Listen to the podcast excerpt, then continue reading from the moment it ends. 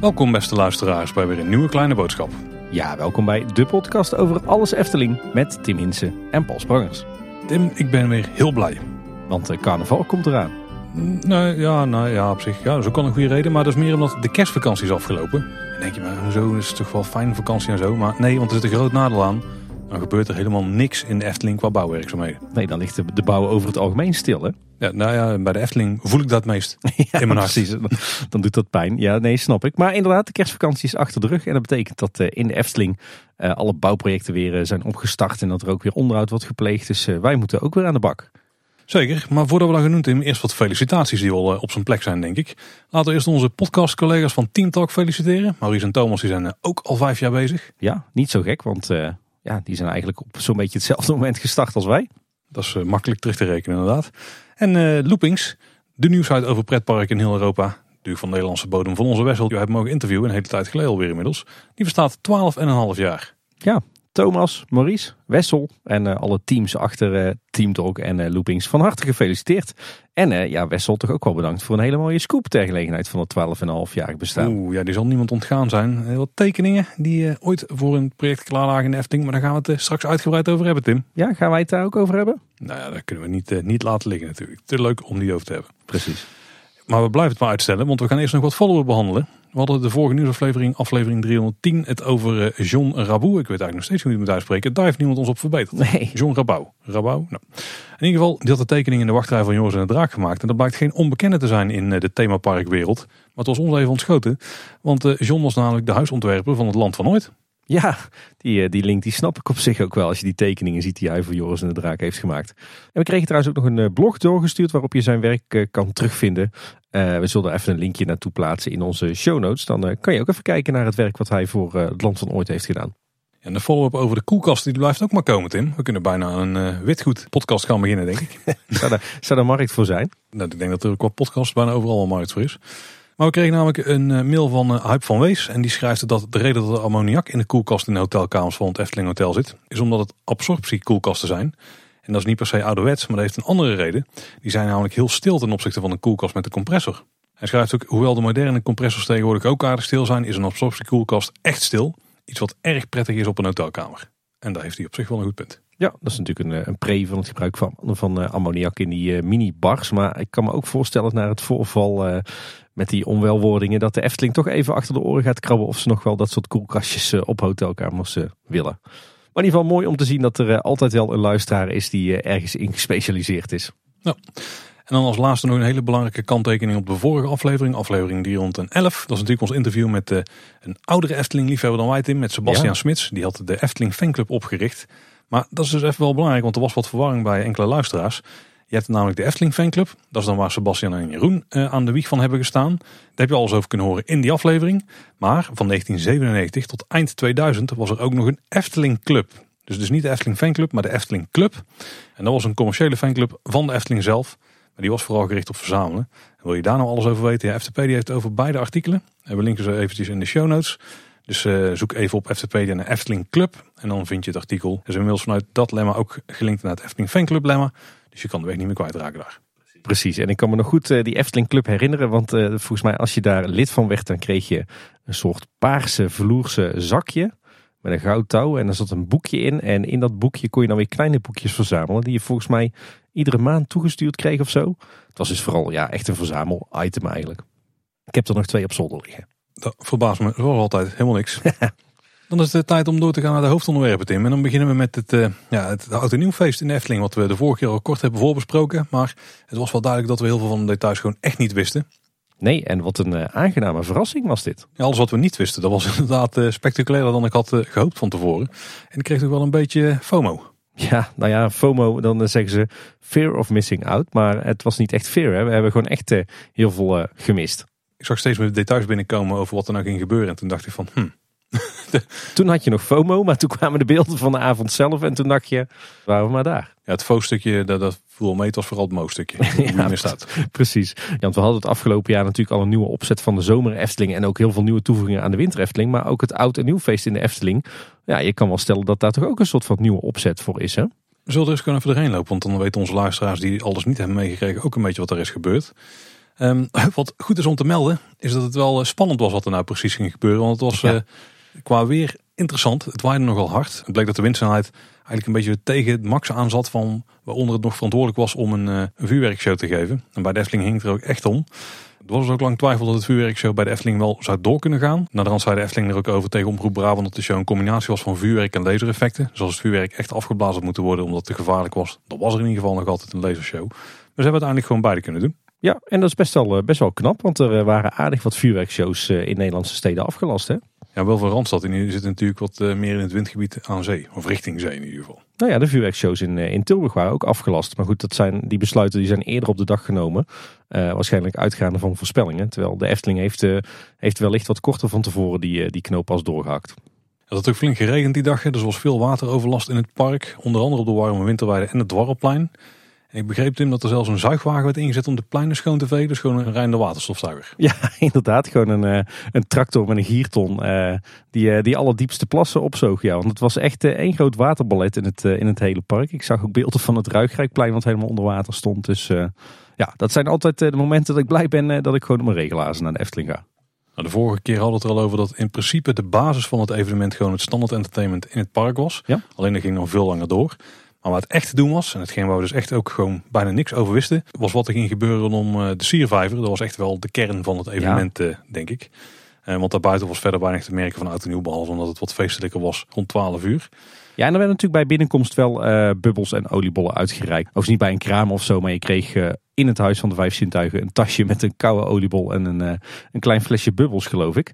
Maar inderdaad, je zou zeker kunnen stellen dat het epicentrum van het, het nieuwe oud en nieuw feest in de Efteling dit jaar echt wel de siervijver was. En natuurlijk alle paden eromheen. En dan was een feestelijk programma opgetuigd van eh, 11 uur s'avonds tot 1 uur s'nachts. Ja, en hadden ze echt wel hun best op gedaan om iets heel bijzonders neer te zetten. Eh, er was namelijk een optreden van eh, de eh, formatie Dames Draaien Door. En dat vond plaats op drie podia tegelijkertijd.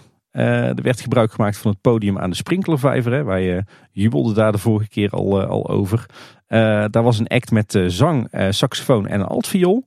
Maar er was ook een act op de brug van de gondoletta. Vandaar dat, dat afdakje wat er was neergezet. Met onder meer djembe's, danseressen en een viool. En op het eh, ponton bij het kinderspoor, daar eh, traden zangeressen op. En het leuke was dus dat de, de muziek de hele avond synchroon liep. Maar dat zeg maar op iedere locatie het anders werd uitgevoerd. Beetje zoals René Merkelbach dat ook eh, de laatste tijd in allerhande attracties doet. Zoals, nou, ik denk dat Symbolica wel het beste voorbeeld is. Zo, zo vond nu ook de Oud en Nieuw Show plaats. Dat is logistiek best een uitdaging, want zeker over die afstand om het dan alles nog synchroon te houden. Ja, we waren natuurlijk zelf niet, dus we hebben het zelf niet kunnen checken. Maar het zou natuurlijk kunnen zijn dat gewoon het ene podium het andere overstemde.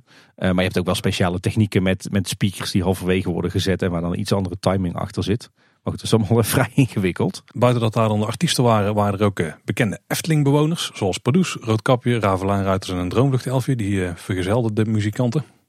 Ja, echt een ongelooflijk toffe act hoor, wat ik ervan heb gezien. Nou, wat ze ook nog extra hadden gedaan was het, eh, het uitlichten van de bomen rondom de Siervijver.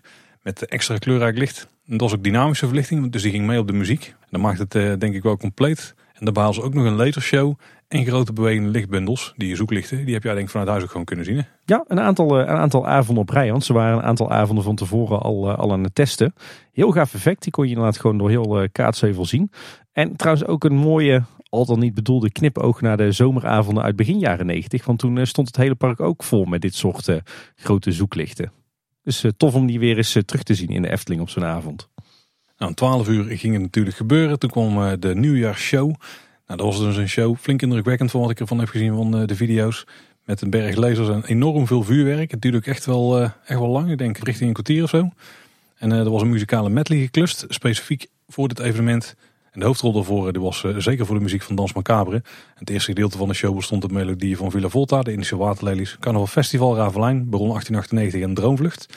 En al die fragmenten die waren afkomstig van de soundtrack van eh Aquanura. Die hebben ze daarvan bij elkaar geknipt. De uitzondering dan van het gedeelte van Baron 1898. Wel bijzonder om Dans Macabre de hoofdrol te laten spelen in zo'n vuurwerkshow, toch? Aangezien die attractie eigenlijk een paar maanden geleden gesloopt is.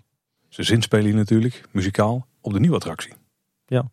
Ja, je zou het ook kunnen zien als een overgang van oud en nieuw, hè? Wow, Tim, je gaat wel heel diep. Zo ben ik. Ja, en om die vuurwerkshow mogelijk te maken lagen er ook her en der wat pontons in de Siervijver. Eh, overal eh, kleine podia die tijdelijk waren neergezet. En zowel het kinderspoor als de gondoletta die waren in de middag en avond gesloten om ja, de vuurwerkshow voor te bereiden. Er stonden ook overal ledschermen opgesteld. Zo kon je het hele spektakel vanuit overal volgen. Zoals op het Rijsrijkplein, de achterzijde van Symbolica en het Krentenpad. Ja, wel slim natuurlijk. Hè? Want uh, je hebt natuurlijk geen onbeperkte capaciteit rond de Siervijver. Terwijl ja, eigenlijk van 11 tot 1 was er maar één plek uh, om te zijn eigenlijk. Hè? Nou, we hebben verschillende registraties daarvan langs zien komen. Dus voor iedereen die er niet bij kon zijn, check even wat de linkjes in de show notes vonden. Estel Wesley, Loopings, uh, maar ook Niels Kooijman. Ja, die toch een behoorlijk kritische kijk op het, het evenement had deze keer. Dat mag zeker. En buiten dan dat er in de rest van het park eigenlijk niet zo heel veel rondom oud en nieuw te doen was. Tenminste niks speciaals. Was er wel dat het uh, echt rond de jaarwisseling zelf er overal een feeststemming hing. Want er werd vrolijke muziek gedraaid en de medewerkers die uh, deden flink mee. Ja, dus als je tussen 11 en 1 niet bij eh, de Siervijver was, dan had je bij de attracties toch ook een beetje het oud en nieuw gevoel. En ik denk dat de medewerkers die die avond moesten werken, dat die op hun eigen manier met hun eigen team toch ook een beetje de jaarwisseling hebben kunnen vieren. We hebben natuurlijk een jaar training gehad om een vier moment te vieren. Dat is zeker waar. Maar ik denk dat het nu toch wel een stukje uitbundiger en oprechter was. Ja, we zijn net al, Niels Kooijman die was enigszins kritisch. We hebben eigenlijk best wel veel positieve geluiden gehoord. We hebben ook een eh, voice clip gehad van luisteraar Floris. En die zweefde daar een beetje tussenin volgens mij. We zullen eens even gaan luisteren wat hij ervan vond. Hallo Tim en Paul. En natuurlijk alle luisteraars van de Kleine Boodschap. Uh, mijn naam is Floris. Ik ben uh, abonnementhouder en wij hebben met de vriendengroep Oud en Nieuw gevierd in de Efteling. En ik wil even kort laten weten hoe wij dat hebben ervaren. Nou was dit niet de eerste keer dat wij oud en nieuw hebben gevierd in de Efteling, maar misschien wel de laatste, want het viel heel erg tegen. Het was eigenlijk de uh, slechtste, vonden wij, in, uh, in al die jaren. Uh, het entertainment was veel minder dan we gewend waren. Zoals de voorgaande jaren nog een silent disco. Maar dit jaar eigenlijk alleen een beetje het gebruikelijke entertainment wat je ook in de weekenden tegenkomt. Dus niet heel speciaal oud en nieuw gevoel. Uh, de wachtrij bij de ingang was uh, behoorlijk lang. Waar je dan ook een uh, koude oliebol kreeg en champagne in een, in een tasje. de parkmuziek stond uit, wat zorgde voor vrij weinig sfeer. En dat alles voor een prijs van ruim 30 euro vonden wij toch best wel aan, de, aan de forse kant. Dus wij twijfelen of we volgend jaar wel weer moeten gaan. De vuurwerkshow en het entertainment daaromheen was daarentegen wel echt top. Ja, dankjewel Floris. Uh, ik denk dat jouw uh, voice clip de lading inderdaad uh, goed dekt. Of althans de, het, algemene beeld van de avond. Dat, er, dat het spektakel met name plaatsvond rond die siervijver. En ja, dat er in de rest van het park wat minder te doen was. Nou, zoals ik al zei Tim. Ik had toch wel het idee dat ik hier iets heb gemist. Vooral het spektakel rondom de siervijver. Ik had het toch wel graag willen meemaken. Ja, praktisch gezien zat er gewoon niet in. Want ondanks dat ik een beetje die FOMO had van tevoren. En de MO op de avond zelf. Ja, praktisch ik er gewoon niet kunnen zijn. dus had ik mijn prijs snel bij neergelegd. Ik ben vooral blij dat het goed is vastgelegd. Maar ik denk dat dit, uh, nou, ondanks de, toch een paar punten van kritiek, dat het toch wel geslaagd was. Ja, dit was toch ongelooflijk vet. Ik vond het echt zo gaaf. Ik roep natuurlijk heel vaak bij Kleine Boodschap van hè, de Efteling leent zich als park perfect voor allerlei uh, uh, mooie muzikale evenementen in de avond met, uh, met mooie verlichting en muziek en podia en optredens. De Efteling is daar denk ik een perfect canvas voor. Ja, en, en deze avond was toch wel het bewijs daarvan. Hè? Als je zag hoe dat eruit zag rond de Siervijver met die verschillende podia, met die hele lichtshow, met die muziek. Ja, het was echt, echt een, een lust voor het oog. Ze hebben wat mij betreft hier echt wel laten zien uh, hoe enorm veel potentie het park heeft als het gaat om dit soort hardticket events. En, en dat je dus ook best muziekoptredens op een hele stijlvolle manier kunt geven in de Efteling echt ongelooflijk tof. Ik baalde er ontzettend van, uh, net als jij Paul, dat ik er niet bij kon zijn. Inderdaad heel logisch ook, want ja, je wil uh, oud en nieuw natuurlijk vieren met je gezinnetje. Ik kreeg al vragen van mensen, moet jij daar niet zijn uh, voor de podcast? Zei, ja, maar ik vind het op zich ook wel leuk om de jaarwisseling bij mijn gezin te vieren. Maar nee, dit zag er echt prachtig uit. En ik snap de kritiek van mensen van ja, er was eigenlijk alleen rond de siervijver wat te doen. Maar ik denk dat eh, deze show eh, hartstikke duur was. Dus ik snap ook wel dat de Efteling eh, er nu eerst voor heeft gekozen om dat vooral rond die siervijver te centreren. Het is denk ik wel de meest geschikte plek voor dit soort optredens. Want ja, je hebt natuurlijk een enorm lange oever waar je mensen kan opstellen. Het is denk ik ook veel mooier en veel sfeervoller dan dat je dit op een harthof of op een speelweide doet. Dus ja, ik snap het wel. Misschien dat we ergens in de toekomst ook zo'nzelfde soort act gaan zien op de Aquanura vijver. Wordt misschien wel lastiger met, met die fonteinenshow daar. En ik hoorde ook wel mensen klagen van ja, het was, het was te kort, die twee uurtjes. Maar ja, aan de andere kant ga je makkelijk, als je in de Efteling Oud Nieuw viert, ga je dan makkelijk langer dan twee uur naar dit soort optredens staan kijken? Nee, nee, want je denkt het ook niet, want ja, je wilt toch ook die attracties doen. Dus Ik denk dat dit eigenlijk ideaal was. Gewoon lekker de hele avond uh, attracties doen met je gezelschap. En dan inderdaad uh, twee uurtjes uh, lang muziek kijken en, en vuurwerkshow. Dus wat mij betreft was, is dit een perfect oud en nieuw evenement. En ik kan echt niet wachten om dit met, mijn, met het hele gezin te gaan beleven hoor. Ja, als ik het hoorde, dan denk ik dat mensen vooral nog wat extra entertainment of zo misten. Of wat toefjes oud en nieuw. Dus misschien als je op drie plekken nog een singer-songwriter neerzet. Of een klein of een feestband of zo, weet je wel. Zoiets. Dat je dan meer, ja, dat, dat, je dan nog meer feest hebt in het hele park. Ja, ja inderdaad. Dan kan je het, kan je het wat meer uitspreiden. Ja, dat klopt. Ja. Maar verder eh, denk ik inderdaad een mooie, mooie basisopzet zo. Waar zeker nog wel aan te sleutelen is. Maar in de basis uh, kwam het mij goed over in ieder geval. Het was in ieder geval esthetisch echt uh, prima in orde wat mij betreft. Heel stijlvol. En, het, en ik moet zeggen, ondanks dat, het, dat er echt al feeststemming was. En dat je vraagtekens bij kan plaatsen in hoeverre dat dit nou heel erg Eftelings is. Denk ik dat dit voor zo'n oudjaarsavond toch prima in orde was. Ja, dan midden in de nacht in, dan wordt iedereen naar buiten geveegd. En dan gaat er nog eens een keer zo in de ochtend de bezemwagen door het park. En dan wordt het tien uur s ochtends op 1 januari. En dan staat de familie Hinsen natuurlijk voor de deur. het was niet om tien uur s ochtends, eh, moet ik bekennen. Uurtje of twaalf eh, waren wij er weer. Ja. Nou, scheelt niet wel, scheelt niet wel. Ja, nee, het was die, die nieuwjaarsdag echt enorm rustig in het park. Uh, sowieso s ochtends. Ik zag vanuit thuis al wel dat er eigenlijk nergens wachttijden stonden bij geen enkele attractie. Maar ook eigenlijk de, de, de middag en de avond toen wij er waren. Het werd eigenlijk nooit echt druk. Nou ja, dat is natuurlijk iets wat je, wat je eigenlijk ieder jaar wel ziet op nieuwjaarsdag. Ik denk dat mensen toch vooral met andere dingen bezig zijn dan. Maar dat uh, maakt het natuurlijk hartstikke leuk om dan het park te bezoeken. Ik moet zeggen, het hele park was echt uh, super netjes opgeruimd. Er was eigenlijk niks meer te merken van dat grote feest rond de Siervijver. Uh, alle podia en dergelijke die stonden er nog wel en de ledschermen, maar die waren netjes opgeruimd. En uh, nou ja, gedurende de dag begonnen ze zoetjes aan met het opruimen van, uh, van al die tijdelijke spullen. En wat me ook nog wel opviel is dat er ja, wederom toch wel een feestelijke stemming in het park heerste. Tussen personeel onderling, maar ook tussen personeel en bezoekers. En Efteling-liefhebbers onderling die elkaar de beste wensen wensten. Dus ook nieuwjaarsdag was een hele leuke dag in de Efteling. Maar het jaar dus goed gestart in Efteling. Ja, en we hebben zo waar zelfs eh, een heuse nieuwjaarsduik genomen. Oh, een Baron 1898? Of? nee, nee, daar zijn die kleintjes nog niet, uh, nog niet groot genoeg voor. Nee, we zijn uh, nog even in de avond twee keer in de Piranha geweest. ja, oké, dat is ook een prima plek om even wakker te worden. Ja. Zoals gaan kijken Tim naar een project wat was afgerond. Wat toch weer was, ja, toch weer met wat problemen kanten. En nou weer afgerond lijkt te zijn. We hebben het natuurlijk over Joris en de Draak.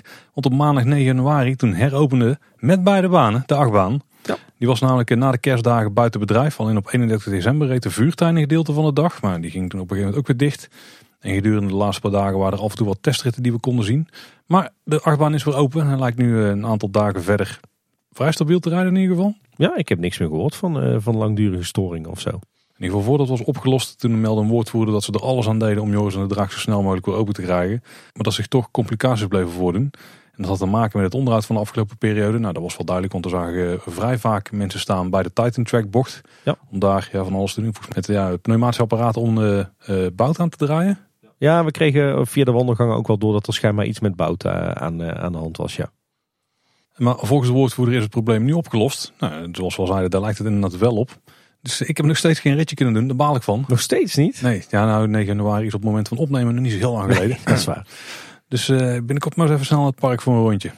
Ja, absoluut een, een aanrader. Ik ben benieuwd wat jij met name van de Titan Track gaat nou, Ik zelf ook. In ieder geval fijn dat, uh, dat uh, deze kinderziektes nu toch opgelost zijn. Ja, en bij Draak Etna gaat het ook weer vooruit, want de mist werkt daar weer. Het geluid en de decorverlichting nu ook. En dan het laatste lijkt wel het een en ander aangepast te zijn. Ja, dan zit een prachtig lichtplan rond Draak Etna. Heel erg spooky. Uh, echt heel mooi gedaan. Ga daar zeker even kijken in de avonturen. En uh, volgens mij zitten er ook, uh, zitten er ook ledjes achter de ogen van Draak Etna. Want normaal gesproken zijn die ogen een beetje gelig. Maar zo nu en dan, dan is er ook wat blauw of wat rood in te herkennen. En dat is natuurlijk een mooie verwijzing naar de waterbaan en de vuurbaan. Zodat de glinstering in de ogen zijn van de, van de voorbijrazende achtbaankarretjes. Als jij daar wil, mag je dat denken, Paul. Ik ook niet het kit in. Ja. En ja, omdat de, de problemen met Joris en de Draak nu zijn opgelost, uh, wordt nu ook op dit moment de tijdelijke bouwplaats onder de kurkentrekkers van de Python uh, weer opgeruimd. En zodra al die uh, stelkomplaten en dat extra zand is verwijderd, dan, dan zullen ze daar wel de landscaping ook weer terugbrengen in de oude staat.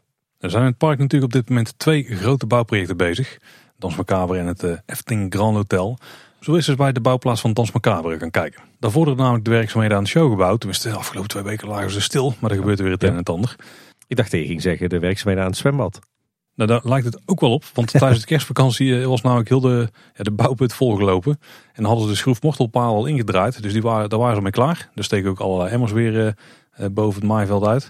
Maar er lag een flinke plas water daar. Dat kan goed enkele tientallen centimeter diep zijn geweest. En veel fans die vroegen zich af, kan dit kwaad? Nou Tim, jij weet er iets van. ja, dat is, een beetje, dat is een beetje mijn werk. Hè. Ik heb op dit moment bij al mijn projecten uh, die in uitvoering zijn mee te maken. Maar nee, in, de, in de basis kan het niks kwaad. Kijk, die schroefmortelpalen die zijn zo lang, die gaan echt nergens heen als ze onder een laagje water staan. Maar verder is het natuurlijk wel belangrijk dat je even wacht met het maken van de fundering tot dat water is, uh, goed is weggezakt. Eigenlijk is het zelfs een voordeel, want dat, als dat water in de bodem zakt, dan uh, verdicht eigenlijk het zandpakket. Uh, wat straks onder je fundering komt te liggen, verlicht, verdicht alleen nog maar extra. Alleen je moet dus wel goed zorgen dat echt al het water weg is. En dat je dan pas het, uh, het zand echt goed gaat verdichten. Dus zeg maar aandrukken met zo'n trilplaat. want is het nog veel te nat, dan maak je eigenlijk een soort drijfzand. Ja, je kan je voorstellen als je daarna een fundering gaat maken op, op drijfzand of, of überhaupt heel erg nat zand wat niet is verdicht. Ja, als je dan een paar weken verder bent, dan gaat het zand alsnog inklinken en dan uh, verzakt dus heel je fundering. Dus ja, ik, uh, ik uh, ga ervan uit dat ze de bouwkundigen van de Efteling dat ook snappen. Maar ja, je zal dus echt even moeten wachten tot dat water goed is weggezakt en het zand goed is verdicht voordat je daar echt op verder gaat bouwen. Maar het klinkt alsof het wel eens wat vertraging kan gaan opleveren. Ja, absoluut. Ja. Het is voor de bouw niet alleen negatief als het, als het vriest, maar het is misschien nog wel erger als het, als het lange tijd hard regent. Want ja, je, je zandpakket is niks meer waard. Nou, we zien de laatste dagen ook bij de bouwput van het showgebouw in ieder geval niet zo heel veel activiteit. Maar nee. zou ze dat water ook nog voor een deel proberen weg te pompen of zo? Ja, kan in het slechtste geval kan je gaan broneren. Hè? Dus dan breng je eigenlijk buizen in de grond aan. Oh, in de grond zelfs, ja. ja. Waardoor je het water gaat wegzuigen.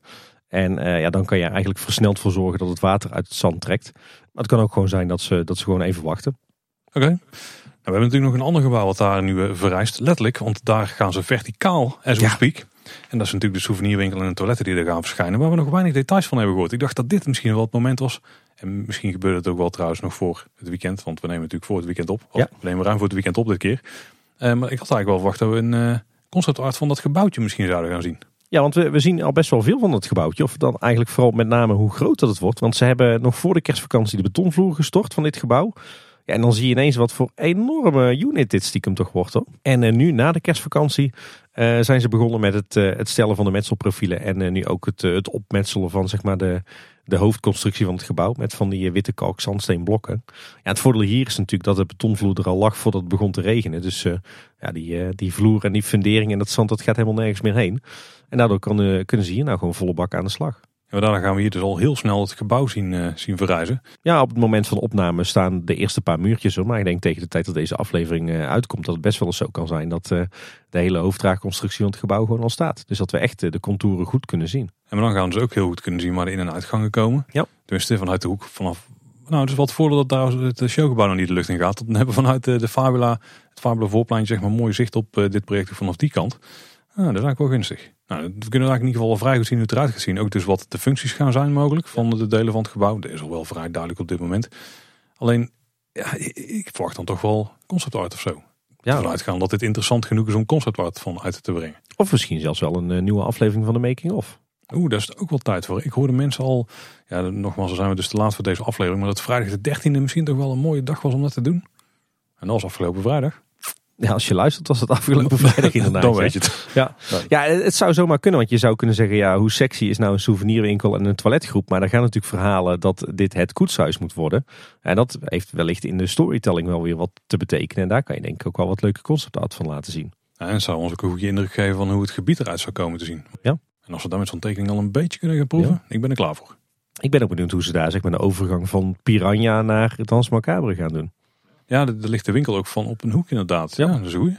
Nou, interessant. Ja, in ieder geval goed om te zien dat hier dus uh, wordt, uh, wordt gelijnd met kalkzandsteenblokken. Want dat betekent dat we hier geen, uh, niet zo'n semi-permanente vieze unit krijgen. Maar dat het gewoon echt een bouwkundig gebouw wordt met mooie tegeltjes aan de binnenkant. En waarschijnlijk iets van hout of metselwerk aan de buitenkant. Buiten het showgebouw en dit facilitair gebouw lijkt er ook nog wel een ander bouwproject te zijn. En dat zijn de schuttingen, de bouwschuttingen rondom het gebied. Want daar blijven ze ook maar aan sleutelen. Schuttingland Parijs. Nou ja, voor sommige mensen voelt het misschien wel zo, maar ik heb het idee dat het net iets minder is dan een Parijs. Maar ze zijn vooral aan het sleutelen aan hoe die uh, schuttingen eruit zien. Die zijn namelijk inmiddels voorzien van een nieuwe full color prints. En er staan elementen op uit die eerder gedeelde concept art. En dan hebben we het bijvoorbeeld over die grafzerk, die lantaarn, de harpspelende doodsengel. Maar ook die, die spookpoes met de Ja. twee gekleurde ogen. Vrij prominente rol op de bouwschutting. Die zal waarschijnlijk in de attractie ook wel een eh, prominente rol gaan spelen. Maar het is dus niet echt een nieuwe concept art, maar een herschikking van de elementen die we op die vorige concept art zagen. En wat ook wel een aardig detail is, er zit ook een afbeelding eh, tussen van een schedel. En de ogen daarvan die zijn uitgesneden. Daarachter zit nu nog gewoon het hout. Maar het lijkt erop dat ze daar dus straks openingen gaan maken. Waardoor je dus eh, door de schedel heen naar het bouwproject kunt gaan kijken. Dat is wel tof. En ik zag ook eh, bouwmeester Big op de bouwschutting van Dans Macabre verschijnen. Die doen het ook hier weer op. Lekker aan het beunen. Beunmeester Big. De concurrentie voor ons Henk. Ja. En wat eh, ook vast zit aan die schutting natuurlijk, is het opberghok waar het draaiorgel Esmeralda in staat. Die hebben we ook wat opgeleukt. Dat was voorheen een, een grote zwarte doos eigenlijk. En er zaten van die plank op de bouwschutting, waar inmiddels ook zwarte pek van afdraait op eh, plekken trouwens. Of, of wat het dan ook mag zijn, wat bloed, ik, ik weet het niet. Duivelsbloed. Misschien is het ook wel zo'n stukje storytelling wat we gaan meekrijgen dadelijk uit. eh, misschien is het trouwens wel gewoon een pek van mevrouw Holle. Want daar zien we ook verschijnen op plekken in het park. Voor het eh, Efteling Cinematic Universe dan of zo. Ja, ik denk het. Ja. Maar in ieder geval, de houten planken van de bouwschutting daar achter eh, het showtje, zeg maar, die achtergrond, die lopen ook door op die, eh, de deur van, eh, van het opslaghok. Ook voor detail. En er is trouwens ook oog voor detail voor eh, de signing van het bouwverkeer. Eh, want we hebben het al een paar keer eerder uitgelegd. Hè. De, de, de bouwlogistiek van Dans Macabre is eh, best wel ingewikkeld. Dat je natuurlijk rond het, ja, op de bouwplaats zelf maar beperkte ruimte hebt. En daarom hebben ze nu buiten het park aan de Horst... hebben ze echt de verschillende onderdelen van de bouwplaats bewegwijzigd. Zo wijzen ze naar de bouwplaats zelf, maar ook naar de parkeerplaats voor het bouwpersoneel... en het aparte opslagdepot van bouwmaterialen. Ook in het Engels, dus het is echt bewust gedaan voor eh, de chauffeurs van de vrachtwagens die, eh, die eh, materiaal of materieel komen leveren voor de bouw. Ik denk dat het een paar keer mis is gegaan. Dat er een vrachtwagen die had moeten lossen op het depot aan de Oude Horst midden in, in het park stond. Dat is niet handig in ieder geval.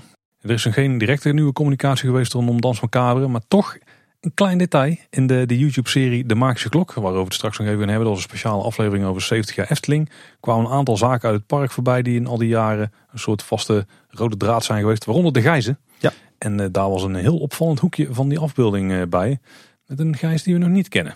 Nee, dat was wel eh, een, toch een behoorlijk duidelijke hint naar Dans Macabre. Of we moeten eigenlijk zeggen themagebied Huiverwoud. Dus ja, het lijkt er toch wel heel erg op dat we een nieuwe telg van de Gijzenfamilie gaan terugzien in, eh, in Huiverwoud. De laatste keer dat ik langs het bouwtrein liep, viel me wel op dat het huisje van eh Matroos Gijs, dat die er nog steeds stond. Dus zou die gewoon op diezelfde plek terugkomen, dan een andere vorm. Zou ook wel mooi zijn. Dat het huisje, ik denk dat het huisje gewoon laat staan, anders Ja. is het toch wel opgeruimd. Kun je een stukje behoud van erfgoed. Ja, en ook wel eens leuks wat je van over 20 jaar kunt zeggen van, eh, zie je dat huisje? Dat is nog over van wat vroeger hier was aan het, van het Witte Walvisplein. Beetje net zoals bij Pinocchio. Ja, ja, precies zo eigenlijk ja.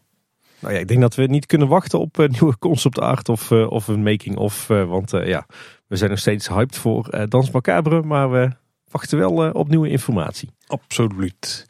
Dan het Efteling Grand Hotel, Tim. We hebben daar toch maar ontzettend veel geluk met onze droompiloot Nick. Absoluut, ja. Want eh, die heeft een nieuwe drone gescoord en dat is mooi speelgoed. zeg dat wel, ja. Want er zit iets enorm waardevols op voor ons. Een zoomlens. Ja, ja want we, we krijgen eigenlijk maar weinig mee van de bouw van het Efteling Grand Hotel. Hè. Zeker nu ze nog eh, eh, eh, bezig zijn met de kelder. Ja, daar kun je natuurlijk weinig van zien vanuit het park. Maar dat is voor Nick geen belemmering. Want dan kan dus inmiddels alles veel dichterbij halen. Waardoor je echt gewoon bijna de individuele stukken staaldraad kunt zien die uit de fundering steken. Sterker nog, ik denk zelfs dat je die kunt zien. Ja, Dus eh, dat is echt enorm fijn voor ons. Want daardoor kunnen we de analyses wat beter doen. En daardoor kunnen we ook een, eh, een stand van zaken geven van eh, wat er in de kelder allemaal gebeurt, Tim. zeker. Het is trouwens ook goed voor de veiligheid. Hè? Want Nick kan door die zoomlens gewoon mooi op afstand blijven van het park. En netjes vanaf legaal terrein dronen. Dus dat is voor iedereen goed. Maar inderdaad, wat is, er, wat is er gebeurd de afgelopen weken op de bouwplaats van het Efteling Grand Hotel? Ja, we zien dat de keldervloer van het hotel inmiddels bijna helemaal eh, gestort is. De betonvloer hebben ze in een eh, drietal delen gedaan. Alleen helemaal aan de noordkant van het gebouw. Dus aan de kant van de, het parkeerterrein. Daar is de keldervloer nog niet eh, helemaal compleet. En dat heeft natuurlijk alles om mee te maken met het feit eh, dat daar de spa met het zwembad gaat komen.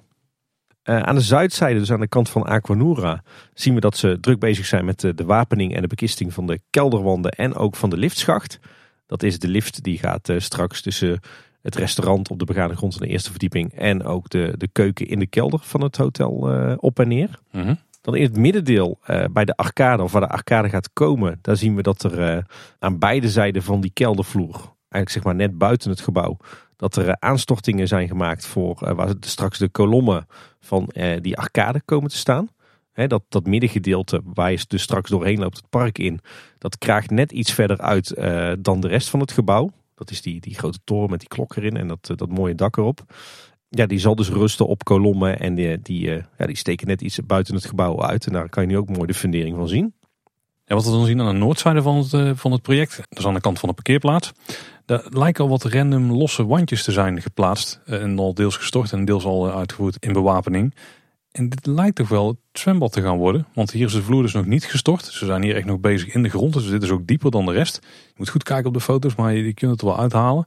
Het lijken allemaal individuele losse muurtjes te worden. Of losse bakken te worden. Van anderhalve meter diep. Het is heel lastig te zien op die foto's. Dan lopen geen mensen bij voor schaal. Dat is vooral in de kerstvakantie natuurlijk al een probleem. Er staat wel al water in. Dus het is al een soort zwembad. Ja, het is al een soort zwembad inderdaad. Ja. het lijkt er inderdaad op dat ze hier eerst nu met beton eh, die diepere bakken maken. Waar straks dus de zwembaden inkomen. En dat ze zodra die klaar zijn, dat ze pas de rest van de keldervloer er eigenlijk aanstorten. Dat is iets dat kon natuurlijk niet uit eh, de bouwkundige tekeningen halen die bij de vergunningsaanvraag zaten. Uh, maar nu zien we dat dus wel. En dus kunnen we nu ook een beetje de vorm van het zwembad zien. En ja, het, is echt zeg maar de, de, de uiterste noordkant van het gebouw. Dus echt zo dicht mogelijk tegen het parkeerterrein aan. Daar in de hoek, uh, zeg maar onder de lobby van, uh, van het hotel. Daar komt echt het, het zwembad te zitten. En ja, wat jij zegt, heel groot is het niet. En het lijkt ja, toch uit een aantal verschillende kleine baden te gaan ontstaan. Dus ik denk dat het straks toch meer voelt als een soort spa. Dan dat het echt als een groot subtropisch zwemparadijs voelt. En de vorm van het bad lijkt ja, een soort platgeslagen thee te zijn. Het is een heel slechte analogie misschien, Tim. Het lijkt bijna een soort stoomboot of zo. zeg maar langgerekte vorm. Eh, met mogelijk een hoek erin. Dat is lastig te zien op de foto. En dan een soort ja, eh, deel wat er nog uitsteekt. Gewoon een soort schoorsteen. Ik denk dat onze luisteraars gewoon de luchtfoto van Nick moeten gaan bekijken. Daar linken we natuurlijk naar eh, in de show notes. Het allerbeste. Ja, en dan zie je ook dat, eh, dat nog niet alle eh, betonwandjes van het zwembad zijn, zijn gestort. Dat zullen ze nu eerst gaan doen. En daarna denk ik dat ze inderdaad het, het laatste stukje van de keldervloer afmaken. Er is ook wel iets interessants wat niet op de bouwtekeningen stond, maar wat we nu wel in de praktijk zien verschijnen. is dat er aan de kant van het Sprookjesbos, dus ook de noordkant van het, van het hotel, dat daar een aantal ronde kolommen gestort gaan worden van die betonkolommen. Ik heb ze even zitten denken van waar komen die ineens vandaan en waarom vinden we die hier? Maar misschien dat er dan toch een hellingbaan de kelder in komt. In plaats van dat, dat luik wat op de tekeningen van de bouwvergunning stond. En hoe wijzen die kolommen op een hellingbaan dan? Nou ja, ik denk dat die hellingbaan zeg maar verstopt zit onder de begane grond uh, of onder de eerste verdieping van het hotel. Maar ja, je moet die, die betonvloer moet je natuurlijk wel ergens op, op kunnen zetten. Dus als je daar gewoon een paar betonkolommen hebt, uh, dan is dat de plek waar, uh, waar je zeg maar onder het hotel door naar binnen kunt rijden. Nou, dat moeten we eens in de gaten houden. Of beter gezegd, dat zou Nick even in de gaten moeten houden voor ons. we zien het uh, straks met zekerheid als de begane grondvloer gemaakt gaat worden. Wat je op die foto's nou dus ook goed kunt zien, is hoeveel afvoerpijpen er allemaal in de grond zitten. En ik heb ze dit keer niet grondig geteld, maar er komen zat toiletten in de kelder in ieder geval. En dat is goed voor iedere bezoeker van het park uiteraard. Maar er is ook een andere kleine update rondom toiletten in het entreegebied. Ja, de vorige keer liepen we toch een klein beetje te klagen over eh, die tijdelijke toiletgroep van Boels die achter het Eftelding is neergezet. Omdat er nu natuurlijk uh, tijdelijk even geen toiletgroep voor bezoekers is uh, na de kaartcontrole. Uh, voel lelijk, maar ze hebben nu aan één kant er een stuk bouwschutting voor gezet, waardoor dat die net iets minder opvalt. Maar het blijft een beetje een, een vlag op een modderschuit, want ja, Blijf, blijf, blijf het uh, lastig vinden om, uh, om dat uh, door de vingers te zien. De, de Efteling zelf is, is geen festivalterrein of, of bouwplaats toch. Dus laten we daar alsjeblieft geen, niet allemaal toiletgroepen van boels neerzetten. In het nieuwe restaurant Tim, komt in ieder geval een bedieningsrestaurant. En dat is gunstig, want er gaat er namelijk één verdwijnen in Efteling. Ja. Want restaurant Panorama gaat eindelijk, eindelijk in groot onderhoud. Maar het is mm. misschien niet helemaal waar we hadden gehoopt. Nee, denk ik niet. Maar laten we zo zeggen, het is vooral nog ontzettend onduidelijk wat er nou precies gaat gebeuren. Nou ja, ik zou bijna willen zeggen, er is eindelijk duidelijkheid over wat er met Panorama gaat gebeuren. Ja, maar niet wat er qua thema gaat gebeuren. Nee, dat is toch precies, iets waar wij zwaar aan tillen. Ja, dat blijft nog een beetje geheim. Nee, eh, de afgelopen week werd het ineens aangekondigd. Een groot onderhoud voor restaurant eh, Panorama. Uh, en dat begint op 9 januari. Dus inmiddels als deze podcast uitkomt, is het gebouw al een week dicht en achter de hekken. En ja, wat jij al zei, Paul, we weten iets meer wat er gaat gebeuren met, eh, met het restaurant. Ehm, maar bijvoorbeeld nog geen flauw idee van het ontwerp. Want toen ik het, eh, het blogbericht zat te lezen waarop eh, deze, dit project werd aangekondigd, toen viel me toch wel op dat er geen enkele tekening ter impressie tussen zat. Ja, en als er iets is waar wij van houden bij nieuwe projecten, zijn het natuurlijk tekeningen die dienen ter impressie. Ja, en voor je het weet staat er een station op. Ja, nou, dat had hier ook zomaar kunnen zijn. Als ze de hoek goed hadden gemaakt, dan had er een station op kunnen staan. Ja, heel lang geleden. Ja. Nou ja, wat, wat weten we wel, met dank aan de Efteling blog dus. Ehm, restaurant Panorama krijgt een transformatie passend bij de sfeer en de beleving van de wereld van Simbad. Dat is natuurlijk heel vaag geformuleerd. Maar later maken ze dat net wat eh, concreter. ook maar net. Ja, want door de kleuren in het hele themagebied op elkaar af te stemmen en stijlelementen te laten terugkeren, creëren we samenhang. Huh? Ze, wij eh, werken bij de gemeente, moeten wij werken met heldere taal. Dit zou niet tot de keuring heen komen hoor. Dus Panorama wordt eigenlijk een beetje de aangeklede prullenbak van Reizenrijk. Waar ook gewoon een sticker tegenaan wordt geplakt met een eh, motiefje wat terugkomt in het gebied. En wat qua kleur enigszins matcht. Het is misschien een, een klein beetje oneerbiedig palm voor eh, panorama, maar eh, ik Ja. snap je punt. We weten het nog niet. Dat is het hele punt. Maar we zullen in ieder geval gaan melden wat we wel weten. Qua Ja. thema weten we dus gewoon niks. Wat er wel gaat gebeuren is dat ehm, Panorama inmiddels al dicht is. Ja. Want op 9 januari starten de werkzaamheden. En ergens in april 2023 zou het afgerond moeten zijn. En tijdens die periode zijn beide restaurants en de toiletgroep gesloten voor groot onderhoud. Maar ze hebben toiletgroepen. Het zijn alle, lijkt me dat ze allemaal dicht zijn. Ik denk dat ze die boven altijd gewoon vergeten. Ja, of misschien gaat hij wel helemaal niet meer open na deze verbouwing. Zo, oh, dat zou ook zomaar kunnen, ja. Huh. Ja. Nou, dat is bijna vier maanden. Dat is best wel lang. Ter vergelijking, de laatste grote renovatie van het Witte Paard was twee maanden. Ja, ongeveer twee maanden inderdaad. En eh, nou, daar zijn we toch allemaal ontzettend tevreden over, denk Ja. ik. Ja. Dus er, er gaat wel flink wat gebeuren, maar volgens mij gaan ze ook een hoop doen. Want de hele begane grond die gaat dus eh, in beslag worden genomen door Laplace. En beide restaurants die worden samengetrokken tot één groot restaurant. Misschien dat het daardoor meer overeen gaat komen met wat je bij een normale Laplace hebt qua afmetingen. Die zijn meestal wel fors groter dan wat ze nu in ieder geval hadden bij het stukje van de self-service. Het zou volgens het blogbericht gaan om 1500 vierkante meter aan horeca en beleving. En ik heb er even mijn meetapp erbij gepakt en ik heb zitten meten. En volgens mij is het hele pand qua oppervlak. Dus dan heb ik het natuurlijk gewoon over het oppervlak wat het gebouw in beslag neemt. Want de eerste verdieping die reken ik even niet mee in dit geval. Dat is ongeveer 1950 vierkante meter. Dus het gros van, ik denk de benedenverdieping gaat gewoon dadelijk naar Laplace. Je hebt natuurlijk nog een keuken, eh, centrale keukengedeelte wat er ook Ja. in zit. Ik heb geen idee hoe groot het is. Dat is vrij fors. 450 vierkante meter. Ja. Dekt dat de lading? Of? Ja, daar kom je toch wel aan, dan, denk ik. Ja. Dus eigenlijk wel wat te verwachten. Maar dan gaan ze dus niks doen met de bovenverdieping. Die gaan ze er niet per se bij trekken. Nee. Dat zal gewoon een flexibele ruimte worden die het eh, nu al is. De vraag is natuurlijk wel, wordt het straks één groot restaurant oppervlak waarin eh, de, de huidige twee restaurants eh, eigenlijk worden samengevoegd tot ja, één grote zitplek voor een, een standaard Laplace restaurant? Of blijven het toch twee losse restaurants? Ik dacht eigenlijk dat het dus één groot self-service restaurant zou gaan worden. En dat ze daarom ook die vier maanden nodig hebben om bijvoorbeeld die keuken in het midden, die voor het à la carte restaurant bedoeld was, dat ze die gewoon eruit slaan. En dat er ook gewoon een doorloop komt en meer zitgelegenheid aan die kant. Of in ieder geval een groter stuk zitgelegenheid. Want ze zullen waarschijnlijk ook wel iets meer pakken voor het, eh, hoe moet je het noemen, het, het free flow, eh, haal maar je spul af eh, gebied zeg maar. Ja, we weten het niet zeker, want in het eh, blogbericht van de Efteling was ook daar wat vaag over. Maar ik zag wel een, eh, een persbericht voorbij komen van Vermaat. En Vermaat is een, eh, een nieuwe naam, denk ik, voor onze luisteraars. Maar die blijkt al sinds 2020 eh franchise-nemer te zijn van Laplace. Zeg maar ja, de uitbater of de exploitant van de, de, de Laplace restaurants. Ja, Laplace zelf is natuurlijk een, een beetje een lege huls. Eigenlijk alleen nog maar een merk en een concept. Want de Jumbo, de supermarkt, die, die is de franchisegever, zoals dat dan zo mooi heet. Dus die ja, die mogen het merk eh, laten uitbaten. Maar goed, Formaat is dus eigenlijk de partner van de Efteling in deze. En zij hebben een persbericht uitgestuurd en daarin staat, eh, zeggen zij over eh, Panorama, dat daar zich tevens een à la carte restaurant bevindt, dat vanaf het tweede kwartaal van 2023 in een nieuwe vorm ook door Laplace zal worden beheerd. Dat lijkt toch bijna alsof we toch twee verschillende restaurants in Panorama houden. Nou, zoals we al zeiden, eigenlijk weten we nog niet zoveel.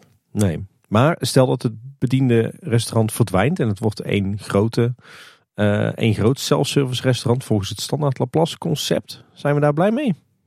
Ja, ja. Dat is moeilijk te zeggen, want daar ligt het denk ik gewoon helemaal aan hoe ze het uitvoeren.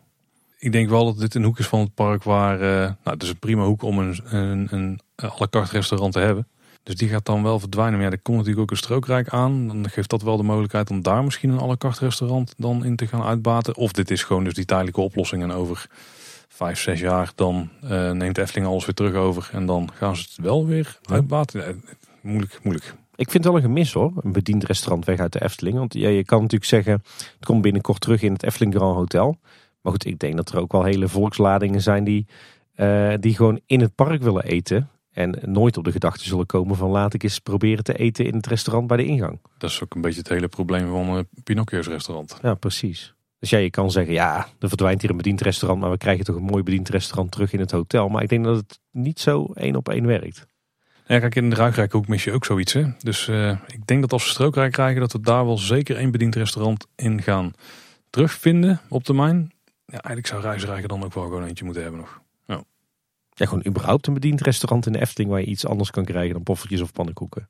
En hotel is ook nog steeds wel lang wachten, want het duurt nog wel uh, minstens een jaar, mogelijk langer. zeker, ja. ja.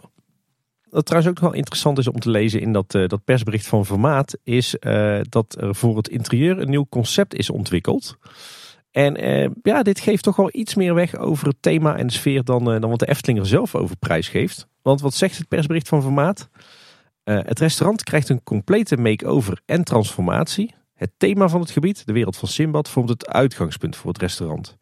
Zowel het interieur als het exterieur worden aangepakt, waardoor de gasten een totaalbeleving ontvangen op deze locatie.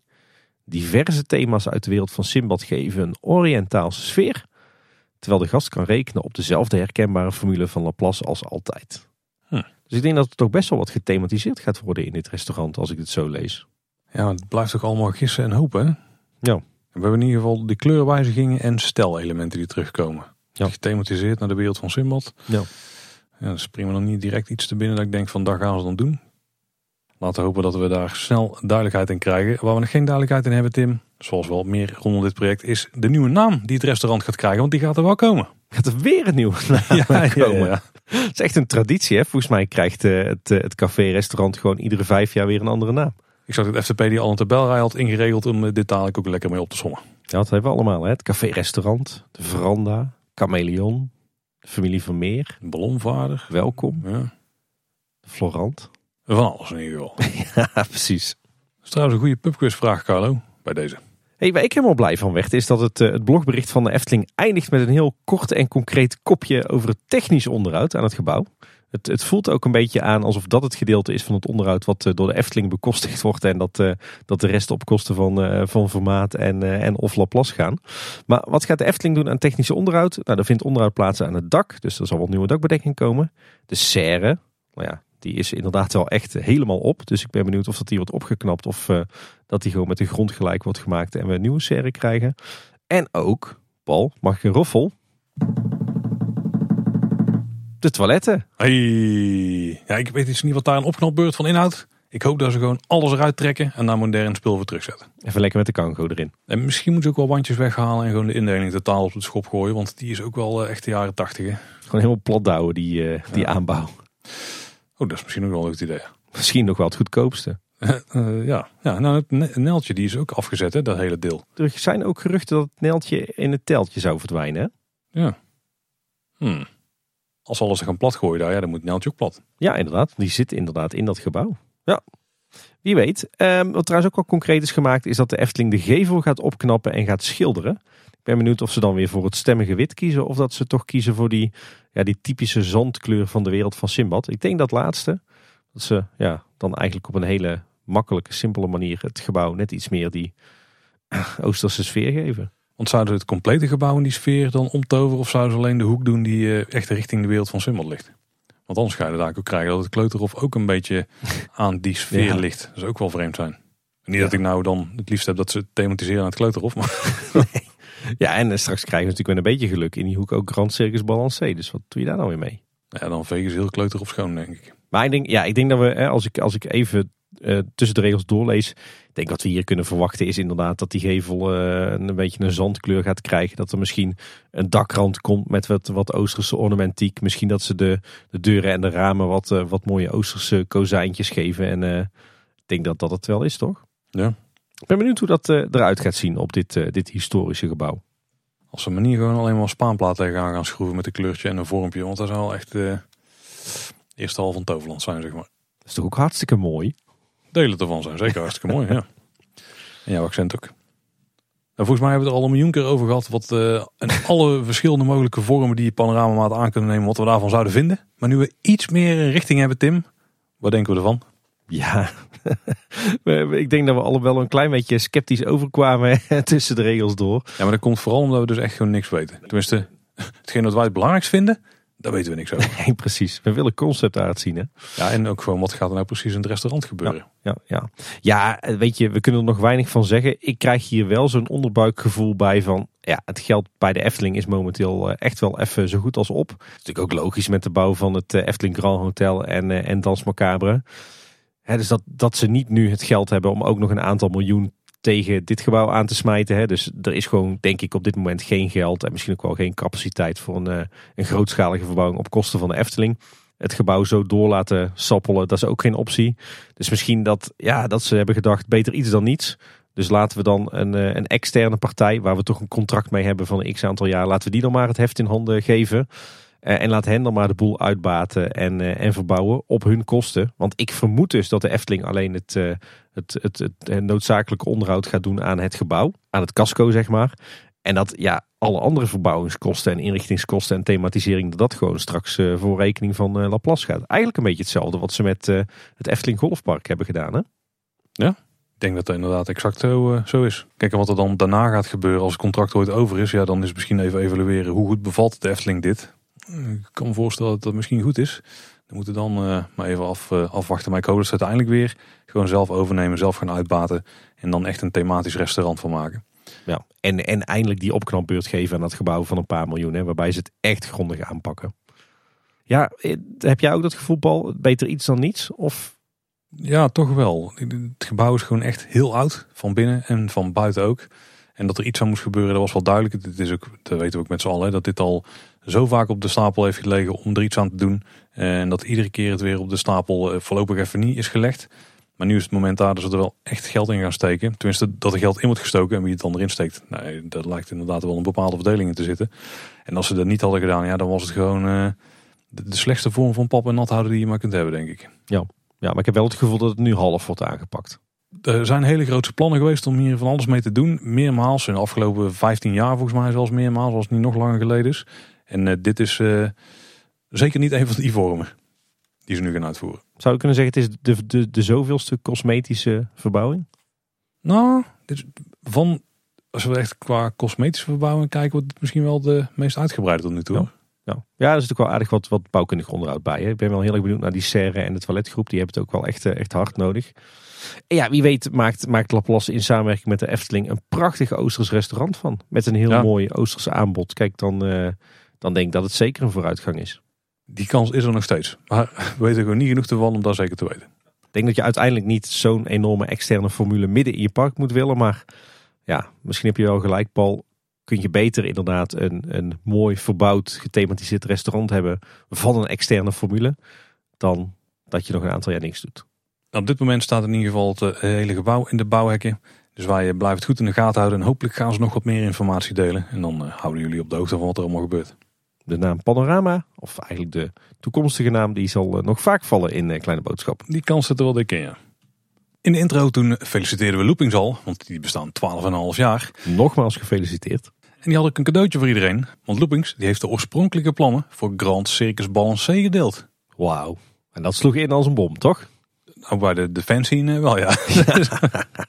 dit was inderdaad echt, eh, echt goud. Uh, de Efteling zelf zal er waarschijnlijk niet blij mee zijn. Want kijk, dit is de reden waarom uh, ze niet vroeg plannen delen bij de Efteling. Want want wat Loopings dus heeft gedaan is gewoon echt meerdere stukken concept art online gezet. Van verschillende details uit de attractie. Nou eigenlijk uit het hele themagebied wat er rondomheen zou moeten verschijnen. Ja en niet alleen concept art, hè, ook echt ver uitgewerkte technische tekeningen al.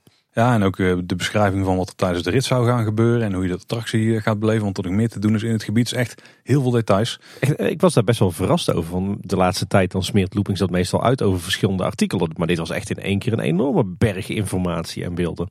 Nou, het nu ook wel gebracht van dit zijn plannen die zijn al vier tot vijf jaar oud. Dus de kans dat dit nog exact in deze vorm wordt uitgevoerd, die is vrij klein. Dus wat dat betreft is het een mooie inkijkje in het proces bij de Efteling zelf, zeg maar. Want dit zijn natuurlijk allemaal gelekte materialen waarvan de Efteling het gros denk ik nooit had uitgebracht. Maar die dienden vooral intern ter referentie of voor degene die het uh, uh, moesten gaan uitwerken in, in de praktijk.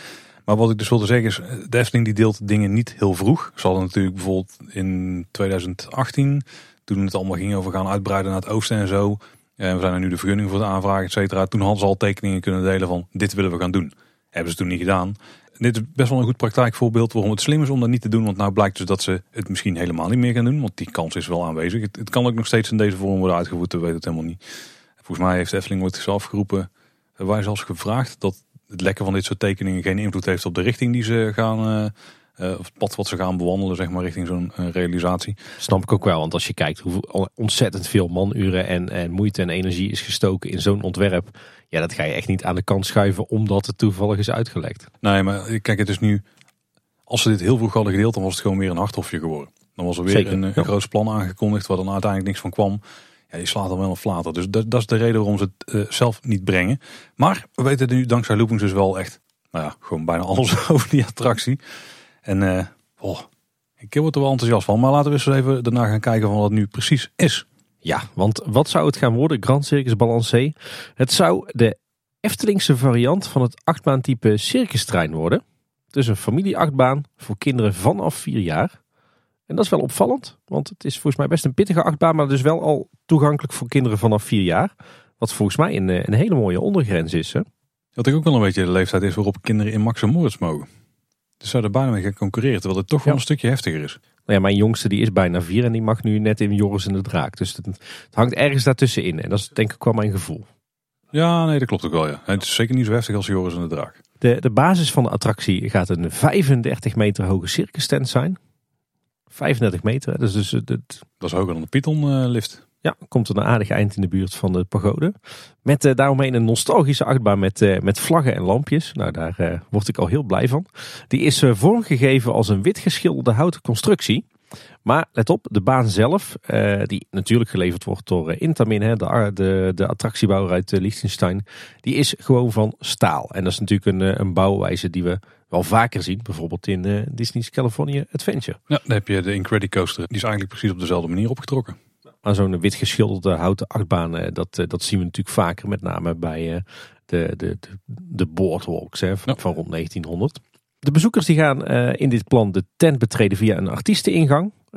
in die tent kom, zou een voorshow komen met een circusdirecteur. En ja, hoe begint dan de rit nadat je hebt plaatsgenomen in de trein? je wordt gelanceerd uit de tent met een kanon. Iets, een circus act die we natuurlijk wel, wel kennen. En vervolgens volgt een achtbaanrit met eh, een heleboel scherpe bochten. Met ergens eh, halverwege de rit ook een, eh, een kettinglift van 21 meter hoog. En ehm, die kettinglift, dat zal ook de ingang worden van het themagebied. Ja, dus na de lancering in de kettinglift, dan kom je op een gegeven moment weer terug in de circus. En daar vindt dan het unieke element plaats waar Looping zal ooit naar hinten. Daar komt namelijk een balanceeract. En daarvoor maakt Intamin gebruik van een indrukwekkend kantelend en draaiend platform, lezen wij, dat de titel Tieter Totter draagt. En het klinkt misschien een beetje vaag, maar ga vooral het, eh, het artikel van Loopings checken. We zullen natuurlijk weer een linkje in de show notes zetten. En eh, dan zie je overduidelijk wat dit voor uh, ja, vehikelmechanisme gaat zijn. Ja, het is eigenlijk een stuk van de achtbaan track die op een platform staat die dus naar voren en naar achter kan kantelen en daarnaast ook nog kan ronddraaien. Dus daarmee kun je een beetje zo'n schommelende, balancerende beweging maken. Omdat je dus kunt, omhoog en omlaag kunt kantelen, kunnen ze dus ook de eindpositie van, die, van dat stuk track anders maken. En daardoor rol je ook nog een stuk achteruit door de baan heen. En als je daarmee klaar bent, dan ben je het uitstapstation. En dan uh, nou, moet op een manier de trein ook weer voorwaarts kunnen. Ik denk gewoon met de wissel of zo. En dan uh, kunnen de andere mensen weer instappen. En dat is eigenlijk grofweg wat het rondje doet. Wat ik zelf wel vrij geniaal vind, is dat in de circus tent zelf ook tribunes zouden komen. En de, die mensen die dus niet in de achtbaan zelf durven, die kunnen dan gaan kijken naar wat er gebeurt op die titeltoren. Dus op dat balanceermechanisme. En daarnaast zou er zelfs plek zijn in de tent voor speeltoestellen. En er is horeca. Dat is echt geniaal hè. Dan, dan wordt het echt een familieattractie. En het is gewoon perfect geïntegreerd in het thema en, de attractie zelf, zeg maar. Ja. Vrij geniale oplossingen allemaal. Ja, ja, want in een circus tent horen natuurlijk ook gewoon... Uh, Speeltoestellen? ja. nou ja, wel allerlei balanceren gewoon die de kinderen dan zelf zouden kunnen doen. Voor dat past het wel. Ja, precies. Ja, en, en zo'n tribune en, en horeca. Ik zie dan al meteen al allerlei kraampjes met suikerspin en, eh, en popcorn vormen. En misschien wel uh, saltwater toffees. Oh, dat zou ik goud vinden. Alleen ik denk dat ze al die papiertjes niet uh, daarachter gaan. En, en wat we trouwens ook nog lezen in het artikel van Loopings is dat het Efteling Hotel mogelijk ook in het circus thema zou worden meegenomen. En, en we hebben zelf ook al lang geleden geruchten opgevangen dat het ook zou gelden voor het Kleuterhof. Dat zou gaan verdwijnen en dat zou worden vervangen door een, uh, een buitenspeeltuin in het, uh, hetzelfde circus thema. Nou, al die informatie is natuurlijk leuk, maar er zaten ook ontwerpen bij. En die ontwerpen die zijn niet van de minste, namelijk Sander de Bruin, Jeroen Verrij en Karel Willemen. Die hebben alle drie meegewerkt aan de impressietekeningen die erbij zitten. Loopings die schreef erover dat ze zich lieten inspireren door kermis en circus in de vorige eeuwen. Zoals Anton Pieksel ooit tekende. En verder zien we elementen van ouderwetse pieren. Nou, heel duidelijk met die achtbanen. Ja. En een vleugje steampunk. Nou, vooral het balanceerplatform heeft er wel van weg. Ja. Zeker. In de vormgeving het ook geknipoogd naar andere Efteling attracties. Zo vormde de stoomcarousel gebouwd in het begin van de 20e eeuw een belangrijke inspiratiebron. Ja, dat zie je vooral terug in die detailtekeningen van de circus tent. Hè. Daar zit heel veel ornamentiek in die ook zo in het carouselpaleis zou kunnen hangen. Ja, en ik vond zelf ook wel dat veel lijken op bijvoorbeeld de Anton Pieckmolen op het Anton Pieckplein. Qua kleuren ook. En ook de Vermolenmolen, die heeft, ja, qua kleur was inderdaad de Anton Pieckmolen echt bijna één op één. Ja. En de Vermolenmolen die heeft er ook wel uh, wat elementen van weggaan. Dus wat dat betreft niet onbekend in het park, uh, dit soort thema's. Zeker met al die lampjes en zo. Ja, en onze stoomcarousel inderdaad ook wel een goede referentie. Ja. ja. Maar ik wil dadelijk pas horen wat je ervan vindt. Sorry, sorry, sorry. Nou, welke ontwerpen zien we dan in het loopingsartikel? En daar moeten we misschien even één kleine kanttekening bij maken. Het lijkt één concept art te zijn die Loopings heeft, die we niet in zijn volledigheid zien. Want er lijken allerlei details uitgehaald te zijn. Maar de meest interessante is denk ik de bird's eye view. Alhoewel je wel duidelijk kon zien dat dit uit een eerder stadium is dan een aantal van die detailtekeningen die er ook bij zitten. Nou, deze diende volgens mij echt voor de algemene sfeer en uh, de ligging in het park. Ik zag hem zo al in het Brabants Dagblad staan. Ja, zeker. Ja, ja, ja. Uh, daarop zagen we in ieder geval uh, dat de coaster helemaal doorloopt tot de hoogte van het station van het kinderspoor. Dus echt bijna helemaal aan het water. Ja, ja wat opvallend was, is dat dus uh, Grand Circus Balancé echt de volledige reisrijk uitbreiding zou gaan vullen. Echt gewoon de helft van Strookrijk zou bezet worden door dit, uh, dit themagebied. Nou, het zou een goede derde zijn, denk ik. Maar de helft halen ze nog net niet. Ja, wat verder opvalt is dat uh, de spoorlijn van de Efteling stoomtrein gewoon blijft liggen waar die nu ligt. Um, en het hele themagebied Grand Circus Balancé komt dus aan de andere kant van het spoor te liggen. Waarbij de coaster ook echt vrij dicht tegen het spoor aan ligt. Op zich ook helemaal niet zo gek. Want ja, die sfeer van circussen en, en achtbanen rond het jaar 1900, die past natuurlijk ook perfect bij de sfeer van uh, stoomtreinen. Als we de, de beurs zijn mogen geloven, was er ook wel een plan voor een nieuw pleintje voor uh, het kinderspoor. Wat dan ook aansluit op het nieuwe pad wat deze kant op gaat, met deze nieuwe spoorwegovergang. We zien in het themagebied ook kleine circus tentjes. Ik kan me zo maar voorstellen dat daar dan wat extra horeca aan zit, misschien merchandise. En we zien ook een draaimolen en een reuzenradje. Oeh, infills. Dus het wordt echt een compleet gebied. Maar dat was, ook, was ons ook beloofd. Hè? Ook nog door Koen Bertens toen hij nog uh, directeur park was. Ja, en verder is het gebied ook prachtig aangekleed. Zelfs in deze eerste bird's eye view. Zo zien we heel wat woonwagens waar natuurlijk de circusartiesten in, in verblijven. Of waar Unox-worsten uitverkocht worden. ja, precies. Uh, maar ook heel wat sierlijke lantaarnpalen en vlaggen. Uh, heel veel prikkabel. Daar uh, word ik heel blij van. maar ook heel veel groen en heel veel water. Doet het altijd goed op concept art, hè? Zeker, en dat is hopelijk ook de, to de klimaatrobuuste toekomst van de Efteling. Hè? Meer vergroenen en meer open water. Wat trouwens ook wel grappig is, Tim. We hebben ooit heel lang geleden, het was uh, zomer 2018, hebben wij een, uh, was het een rioleringsplan of zo ergens opgedoken? Ja. opgedoken ja. Ergens op een of andere aanbestedingswebsite was het. Aflevering 39 hebben die allemaal besproken. En de plattegrond dat erbij zat, dat lijkt toch wel heel erg te matchen met de plannen hier. Hadden het licht verkeerd geïnterpreteerd. Want we hadden volgens mij een, uh, wat wij dachten wat een soort backstage gebied achter de circus tent was. Hadden wij dus als een soort paden slash plein stukje um, ingekleurd. Maar dat bleek gewoon ook nog een extensie van de tent te zijn. Ik denk waar het uh, onderuit in plaats van waar gewoon de remise in zit. Dus dit, dat was hem gewoon. Ja, aflevering 39 van Kleine Boodschap moet je nagaan. Bijna 300 afleveringen geleden hadden we dus al gewoon een kloppende tekening van Grand Circus Balancé te pakken. Ja, in ieder geval in een vorm. De, de plek waar de uitsteeksel zat, die leek net in een andere hoek te liggen. Ik kan me voorstellen dat er iteraties zijn geweest op het plan. Maar uh, in het algemeen was het hem wel, ja. Wat ook een, een hele toffe tekening was, was een interieurtekening van uh, de circus tent. Maar dat is wel een tekening waar je doorheen moet kijken. Want als je hem op het eerste oog zo ziet, dan denk je... Wow, dit is echt een uh, verschrikkelijk druk geheel. Maar als je dan beseft hoe klein de mensen zijn die in die tekening ook staan, dan uh, valt het denk ik best wel mee. Want het is echt een gigantische tent. Een tent van 35 meter hoog hè. Ja, maar ook de doorsnede die zal er niet om liggen. Want de grootste tekening die ze hebben, en voor degene die ze hebben gezien, dat is de, ja, de, echt de meest uitbundige van het geheel. Daar kijk je dus op de binnenkant van de tent. Daar zie je dus de piste eigenlijk met allerlei um, palen die je het tent omhoog houden met erop nog van die platformpjes. Maar dan zie je dus ook eh, een echt enorm uitgebreid gedecoreerde entree. Eh, maar nogmaals, vergelijk het even met hoe klein de mensen zijn die er op de tribunes naast zitten. En dan, dan is het wel, dan valt het allemaal mee. En dat is ook vrij groot. Al lijkt daar, er lijkt trouwens de achtbaan er binnen te komen, zie ik nu. Zo, ik ontdek nu nog steeds nieuwe dingen op die eh, Ja. tekening. Maar er zitten dus tribunes naast met, de, met zes of zeven rijen waar dus mensen kunnen zitten. En eh, daar op verschillende punten omheen zitten ook nog allerlei platformen waar, eh, waar je kunt eten en drinken. Er lijkt ook nog een soort gaande rij boven te zijn met allerlei eh, lijsten waar je langs kunt lopen. Geen idee wat er allemaal is, maar er zijn heel veel plekken waar je dus in die tent jezelf zou kunnen begeven. En als je een van de andere tekeningen nou bekijkt, dan zal je misschien opvallen dat, het een, dat die tekening die ik net beschrijf, dat daar eigenlijk nog een deel aan vast zit. Waarmee je dus een volledige doorsnede krijgt van de tent. En aan de buitenring van de tent dus, daar lijkt een soort van voorshowruimte te zitten. Daar zien we een, trein binnenkomen in een soort buis. Misschien is dat wel het kanon waardoor je naar buiten geschoten wordt. Nou, dat denk ik zelfs wel, want de, de klep staat al open, zeg maar. Die dan sluit voordat je afgeschoten wordt. Met daar dus die circusdirecteur animatronic. Daar lijkt het in ieder geval wel vrij duidelijk op. En eh, daar zal dan het voorshowtje plaatsvinden. Daaronder zie je ook een, eh, ik denk dat de gang waardoor je naar binnen komt. Waardoor je in ieder geval het tribunedeel kunt betreden. En daarboven nog een, eh, een stukje waar je kunt zitten om wat eh, te eten. Ik, ik denk dat, dit, dat die tent vrij vernuftig in elkaar zou zitten. Dat denk ik ook. We denken nu allemaal aan een tent, maar het voelt bijna als echt gewoon een, eh, een enorm bouwkundig gebouw. Hè? Ja, ik denk dat het in de basis wel zou zijn met daar een tent omheen om het, eh, om het winterwater dicht te hebben. Ja, ze gaan dus echt die, eh, of althans het plan was dus om de buitenring van, van de tent dus echt te gebruiken voor de verschillende functies die je ook nodig hebt. Hè? Die ze hier in ieder geval in kwijt wilden. Een ontzettend gaaf, gaaf ontwerp. Ja, en verder zien we nog een aantal eh, detailtekeningen. Hè. Zo zien we een eh, detailtekening van de achtbaantrein. Voelt voor mij echt als een soort Eftelingse variant eh, van steampunk. En doet me ook een klein beetje denken aan Casey Junior. Hè, de, de circustrein in Disneyland Parijs natuurlijk. En met als groot verschil dat deze wel een stuk harder zou gaan. En ook gewoon op zwaartekracht. En daarom opvallend dat er op een aantal van de wagonnetjes ook daken zitten. Ja. En wat me trouwens wel opviel. Het is niet iedere wagon die een dak heeft, maar het is om het wagonnetje. En dat is natuurlijk omdat als je dan bepaalde dalen ingaat met de achtbaan, dan zou die wel eens kunnen botsen. Ja, niet dat de daken tegen elkaar Nee, aanklappen. dat moet je ja. niet hebben.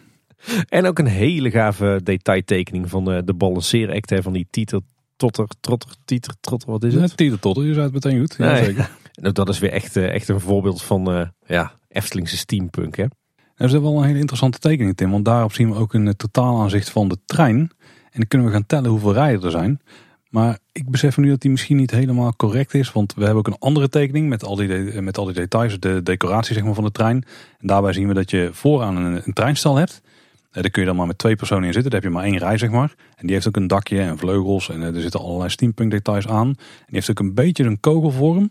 Daarachter zit dan eh, de tender. Een stapel kolen in, in licht. En daar zitten dan twee rijen in. Maar als we dan gaan kijken in eh, die concept art van eh, de Tielertodder, dan zien we daar dat daar ook maar één rij in zit. En dan een stapel kolen. Dus hm, we kunnen er niet heel veel recht aan ontleden. Als we het balanceeract, als we die als uitgangspunt nemen, dan hebben we 1, 2, 3, 4. Dan hebben we 14 rijen. Wat zou betekenen dat er 28 mensen in een trein kunnen. Misschien 30 als die, eh, die andere tender dan gebruikt zou worden uit het andere ontwerp. Vrij aardige capaciteit, toch? Nou, de laas ook in het artikel. Hè? Er zouden vijf treinen gaan rijden. En de capaciteit die zou richting de 1800 personen per uur moeten gaan. Wat voor die leeftijdscategorie denk ik niet verkeerd is. Ook dat is eh, vrij ambitieus, maar ook wel echt wat de Efteling nodig heeft. Zo'n mensenvreter. Ja, en ik las ook dat de, de rit bijna 3,5 minuut zou duren. Wat toch ook echt wel lang is voor een uh, achtbaanrit. Ja, komt natuurlijk omdat er show-elementen bij zitten. Vanaf het moment dat jij de achtbaan instapt, je hebt dan een voorshowtje in de trein, je wordt gelanceerd. Dan heb je uiteindelijk weer een rustpunt waarbij je even omhoog wordt getakeld. Dan, eh, dan ga je weer wat bochtenwerk doen. Je komt de tent binnen, je gaat het balanceren doen, je rolt nog een stukje achteruit. En dan stap je pas uit en tussendoor zal er nog wel op meerdere plekken show plaatsvinden. Dus eh, ik, ik zag ook in een van de concept arts dat, het, eh, dat de totale titel die aan de binnenkant van de tent volgens mij was geplaatst, was Grand Circus Balancé Showcoaster. Nou, dat is het zeker. Bijna Disney waardig. Ja, precies. Die balanceeract is trouwens ook wel echt prachtig vormgegeven. Hè? Met, eh, met al die details, met grote tandwielen, met, eh, met vleugels. En er is zelfs ook een soort van ja, gradenboog gemaakt eigenlijk. Hè? Met een hele grote wijzer die aanwijst ja, wat voor hoekverdraaiing dat je maakt op dat ding. Ja, ook aangekleed met echt flink veel lampjes. Ja. Dit, dit is trouwens een element dat zou echt niet meer staan in eh, Space Mountain in Disneyland Parijs. Dat is ook van de Baltimore Gun Club. Ja, inderdaad. Ja, ja, zeker. Met de vleugels en al. Ik wil niet weten hoeveel het maken van dit ding gaat kosten. Op wat andere detailtekeningen zien we ook nog wel eh, interessante zaken. Zoals eh, een entreepoort van het gebied. Misschien, ik is niet helemaal duidelijk wat deze dan voor zou dienen. Misschien dat er zelfs een achtbaan overheen gaat. Maar, maar daar hangen ook vooral posters aan die je hints lijken te geven over wat je in de attractie zelf gaat meemaken. Waarbij het vooral gaat over een human cannonball. Ja, en in een van die aanzichten van de circus tent zie je trouwens ook dat het niet zomaar een tent is met één, eh, één punt. Maar het zijn een, eh, een heleboel punten in allerlei verschillende formaten en hoogtes en kleuren. Heel, heel speels. Met ook weer prachtige detailtekeningen op dat tentdoek. Dus uh, we gaan daar echt niet zomaar een grote rode tent krijgen. En ook een tof detail van het, uh, het kanon waar, van waaruit je zal worden afgeschoten. En ook dat is weer helemaal in die steampunk vorm gegeven. En uh, doet inderdaad wel weer een beetje denken aan Space Mountain uit de tijd dat het nog echt de la Terre à la Lune was. En om de consistentie van de concept art even aan te geven. Hier zit weer een andere trein op. En daarbij heeft het voorste voertuig heeft twee rijen. En daarachter hangt geen tender. Maar daar hangt gewoon een karretje met weer drie rijen. Dus consistent zijn ze in ieder geval niet. Maar dat krijg je met dit soort uh, achter de schermen tekeningen. Ja, zo kunnen door blijven gaan. Want ik zie ook op een ander fragmentje nog een bordje staan met station Reizenrijk. Waardoor het lijkt alsof de stoomtrein ter hoogte van de ingang van Grand Circus Balancé een station erbij zou krijgen. Ja, maar dit is wel uit die tekening die sowieso allerlei random objecten bij elkaar geplaatst lijkt te hebben. Daar hebben we ook een tekening tussen zitten waarbij de trein uit het tentdoek schiet. Weet niet wat daar eh, precies achter is. Dat is ter impressie, hoop ik. Ja, ja en borden met erop de tekst hooggeëerd publiek, komt dat zien, komt dat zien. En ja, ik zie het trouwens ook een giraffe ergens uh, uit een of andere wagen steken. Wat, uh, wat straattheater, wat artiesten, wat uh, ballonnen, waslijnen met wasgoed. er is, zijn allerlei details in te ontdekken. En wat we ook nog vinden is een, een illustratie van de circusdirecteur. Echt een Jeroen Verheij prent hè? Die zou niet meer staan in het lavelaar denk ik. Maar ziet er ook weer prachtig uit met uh, hele fraaie kledij. Zeker. Loopix heeft trouwens ook nog een uh, klein tijdlijntje uitgewerkt. Wij hebben precies teruglezen hoe het eigenlijk allemaal uh, verlopen is. Hè, de ontwikkelingen rond dit project. begin 2018 was de eerste aankondiging van dit plan door Fons Jurgens, de algemeen directeur. Het openingsjaar zou in eerste instantie 2020 zijn. Dat is toch al vrij pijnlijk, want dat is alweer drie jaar geleden. Maar in de herfst van 2018 werd aangekondigd dat de opening met een jaar werd uitgesteld. In verband met wat eh, prioriteiten in het bestaande park. Nou, we weten inmiddels dat dat bijvoorbeeld ging om de vervanging van de Bob. En toen lag er een persbericht klaar, Tim, op 1 maart 2019. Ik herinner me die dag nog goed, want toen zaten wij met z'n tweeën in het eh, Efteling Hotel te wachten op deze aankondiging. Tenminste, op het besluit van de Raad van State. Efteling die, eh, die hoopt op een positief besluit en die had dan meteen dat persbericht de wereld ingeslingerd met die mooie impressietekening. Maar de Raad van State die besliste anders. Want eh, de voorlopige voorziening waar toen om ging, die werd toegekend. En daarmee werd eh, het niet mogelijk om deze eerste uitbreiding al te gaan doen. Ja, na het toekennen van die voorlopige voorziening werd die hele procedure sowieso nog flink vertraagd. Hè? Want er werden ook de nodige inhoudelijke opmerkingen op het bestemmingsplan nog gemaakt. Uiteindelijk werd het bestemmingsplan in juni 2021 alsnog goedgekeurd. Maar ook toen werd het niet begonnen aan een Grand Circus Balancé, want het geld was op. Uiteraard vanwege de coronacrisis en uh, alle lockdowns die daarbij hoorden. Daarom werd er eerst gefocust op uitbreidingen in het bestaande park. Want deze zouden minder financiële risico's met zich meebrengen. En de vruchten daarvan eh, die kennen we inmiddels. Al zijn dat ook vrij forse investeringen geworden overigens. Ja, en dan komen we eigenlijk bij het nu. En dat is de status van het project. En die is gewoon uh, onzeker. Ja. Onduidelijk ook. Ja, ja meerdere redenen. Hè. Ja, allereerst natuurlijk het hele stikstofverhaal. Hè. Krijgt de Efteling uh, een natuurvergunning uh, voor meer dan 5 miljoen bezoeken. Of bezoekers, het is maar net hoe je ernaar wil kijken. Uh, mogen ze uitbreiden naar het, uh, naar het oosten. Ja, en we horen toch ook wel aardig wat uh, geruchten op de wandelgangen dat ze misschien zelfs wel deze plannen volledig hebben losgelaten en helemaal terug zijn gegaan naar de tekentafel. Voor een nieuw plan voor deze hoek van het park. Oeh. Ja, laten we dan maar beginnen, Paul, met de, toch wel de hamvraag van deze aflevering misschien. Wat vinden we eigenlijk van de, de plannen van Grand Circus Balancé? Want in de Efteling fanwereld zijn de meningen behoorlijk verdeeld. Nou, laat ik dan eens Rob van de radio tegemoet komen. Ik vind het hele toffe plannen. Kunnen wij elkaar de, de hand uh, schudden, Paul? Ik vind dit uh, een fantastisch plan op alle mogelijke fronten. De voornaamste kritiek die ik hoor is dat het te uitbundig is voor de Efteling. Maar ik denk ja, ik, ik snap wat je bedoelt. Als je bijvoorbeeld die interieurtekening neemt, dan denk je echt van wow, wat gebeurt hier? Dit is echt helemaal niet iets wat in de Efteling kan passen. Ja, dan ga je kijken naar een carouselpaleis. Dat is misschien niet eens het bonste stukje Efteling. Want ik denk dat dat is bijvoorbeeld een Anton Pieck carousel is. Maar als je dat dan pakt, als dat bonst is in de Efteling, dan, dan vergeten we even de primaire kleurenfestijnen die ook in de buurt liggen daar.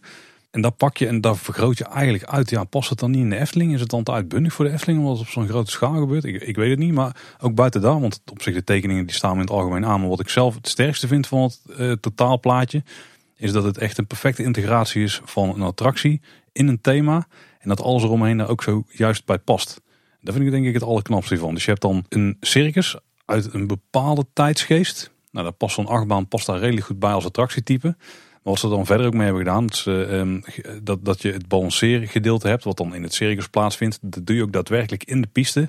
Wel in een treintje, dat is allemaal een beetje vergezocht natuurlijk. Maar een vrij simpel verhaal ook uh, lijkt het, wat in ieder geval in de basis makkelijk te begrijpen is. Ja. Maar wat dan helemaal geniaal is wat mij betreft, is dat je dus ook die tent in kunt. Dus het showgebouw ga je in, niet om de attractie te gaan doen, maar om daar gewoon jezelf op andere manieren te vermaken ik zie het ook echt helemaal voor me dat er een klein speeltuintje is waar kinderen gewoon continu aan het spelen zijn. Dat er iedere zoveel seconde een trein komt binnenrijden, die staat te balanceren, die valt achteruit de weg. Dan komt de volgende er weer aan.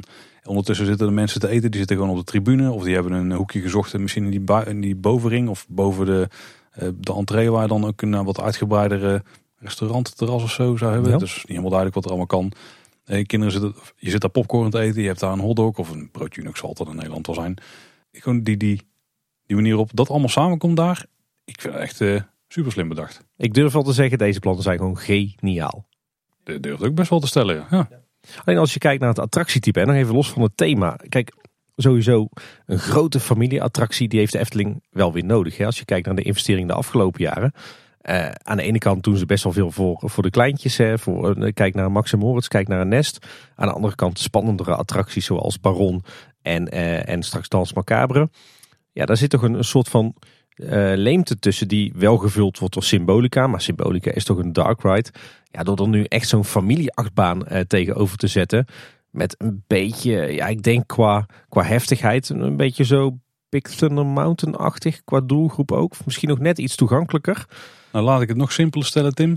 De snelheid van de achtbaan die zou vergelijkbaar zijn met Vogelrok. Ja.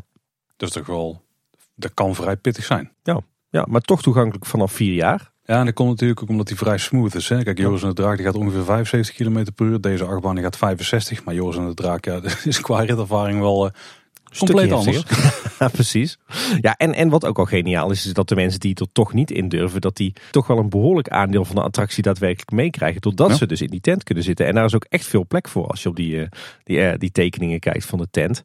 Ja, en er zit zoveel in. Uh, een lancering, een stukje achteruit, die balanceeract, een ouderwetse kettinglift, een voorshow. Ja, super. En, en hebben we het nog niet eens over die andere invuls. Hè. Er staat nu natuurlijk uh, uh, een reuzenradje getekend en een, en een draaimolen. Er zijn ook plannen geweest voor een, uh, voor zweefmolen of voor valtorens, weten we. Nou ja, wat daar precies van over is, is natuurlijk onbekend. Maar ja, dit laat zich natuurlijk perfect combineren met een aantal van die invuls. passende horeca erbij. En dan de, die, die, die prachtige witte houten achtbaan die zo mooi aan het water ligt. Ook fantastisch. Kan zie al helemaal voor me hoe, je, hoe straks al die lampjes weer spiegelen in het water van de siervijver. Die trein die zo vol langs loopt. Ja, dat plaatje klopt gewoon helemaal. En ja, ook thematisch. Hè, want er zijn inderdaad aardig wat mensen die zeggen... dit is toch niet Eftelings? Maar ja, volgens mij mag je Eftelings af en toe best een klein beetje oprekken. En dit valt er voor mij best wel binnen. Hè, uh, wat je al zei, die, met name die connectie met, uh, met de stoomcarousel... Maar ook ja, die hele sfeer die het ademt van die boardwalks en die, uh, ja, die amusementspieren, met name in Engeland en in Amerika, zo rond 1900, 1920. Ja, ik ga daar ontzettend lekker op. Ik vind het uh, echt fantastisch dat we, dat we dat sfeertje in de Efteling gaan krijgen. Hè, maar er zit ook een beetje zo dat, dat, dat sfeertje in van het circus rond het jaar 1900. Dat is natuurlijk iets wat we ook best wel vaak in tekeningen van Anton Pieck terugzien. Dus dat kan wel degelijk Eftelings en zelfs Pieck zijn. Vleugje retrofuturisme, vleugje steampunk. Echt ja, heerlijk. Uh, mag misschien ietsje minder bont. Uh, en misschien dat, ze dat je nog kan zeggen van hè, doe nog een klein beetje uh, kill your darlings overheen. Over een, een, aantal van die tekeningen. Maar toch, ja, ik vind het een fantastisch sfeertje en een fantastisch thema. Zeker daar zo aan, aan het water. Ja, en verder alles wat we nu weten en alles wat we nu zien op de tekeningen. Ja, ik vind het echt een geniaal plan wat gewoon super goed doordacht is. En op alle fronten goed scoort. Qua landscaping, qua horeca, qua infills, qua de attractie zelf. Ja, dit is toch fantastisch. Ja, ik, ik kan me er ook helemaal in vinden. En wat jij ook zegt, um, je hebt zeg maar Efteling stijl, of in ieder geval het Efteling concept, hoe hebben ze het ooit uitgedrukt, als we daar als een uh, als we daar als de grenzen zien, dan zit het wel zeker aan de rand daarvan qua uitbundigheid. Want normaal gesproken, of van vroeger uit gebeurt niet zoveel in de Efteling, maar ik denk dat het er wel in past. Zeg maar. Het gaat niet de rand over wat Max en Moritz wel deed. Of wat Ja. Nest of zo, wat mij betreft, ook doet. Dit blijft daar gewoon netjes binnen. Ja, het is op zich wel een vrolijk thema, maar het, het, het, het oogt ook wel vrij serieus. Ja. Ik heb wel even zitten denken, past dat nou binnen de Efteling? Zo'n typisch Amerikaanse, Britse boardwalk? Ja, want dat, is het eigenlijk wel. Het, natuurlijk is het het basisthema circus, maar het voelt wel echt als zo'n eh, zo'n boardwalk pretpark. Maar ja, weet je, het ligt in de, de uitbreiding van het reizenrijk. En ja, da- daarin mag je volgens mij ook eh, door de wereld reizen. En eh, is het helemaal niet zo gek dat er, dat er iets wat net wat meer Brits of Amerikaans is in de Efteling. eh. dus ondanks dat het als zo'n boardwalkpark voelt, denk ik, ja, dit is dan wel de, de, de Eftelingse variant ervan. Dus ja, voor, voor mij kan dat wel op die plek. En ik hoor ook, ook vrij veel mensen die, die echt al bezwaren hadden tegen een tent in de Efteling. Maar ja, laten we wel wezen, de circus tent is toch iets wat we al eeuwenlang terugvinden op dit soort plekken. En wat ook op heel veel tekeningen van Anton Pieck terugkomt. Maar dit soort plekken bedoel je gewoon de Efteling zelf.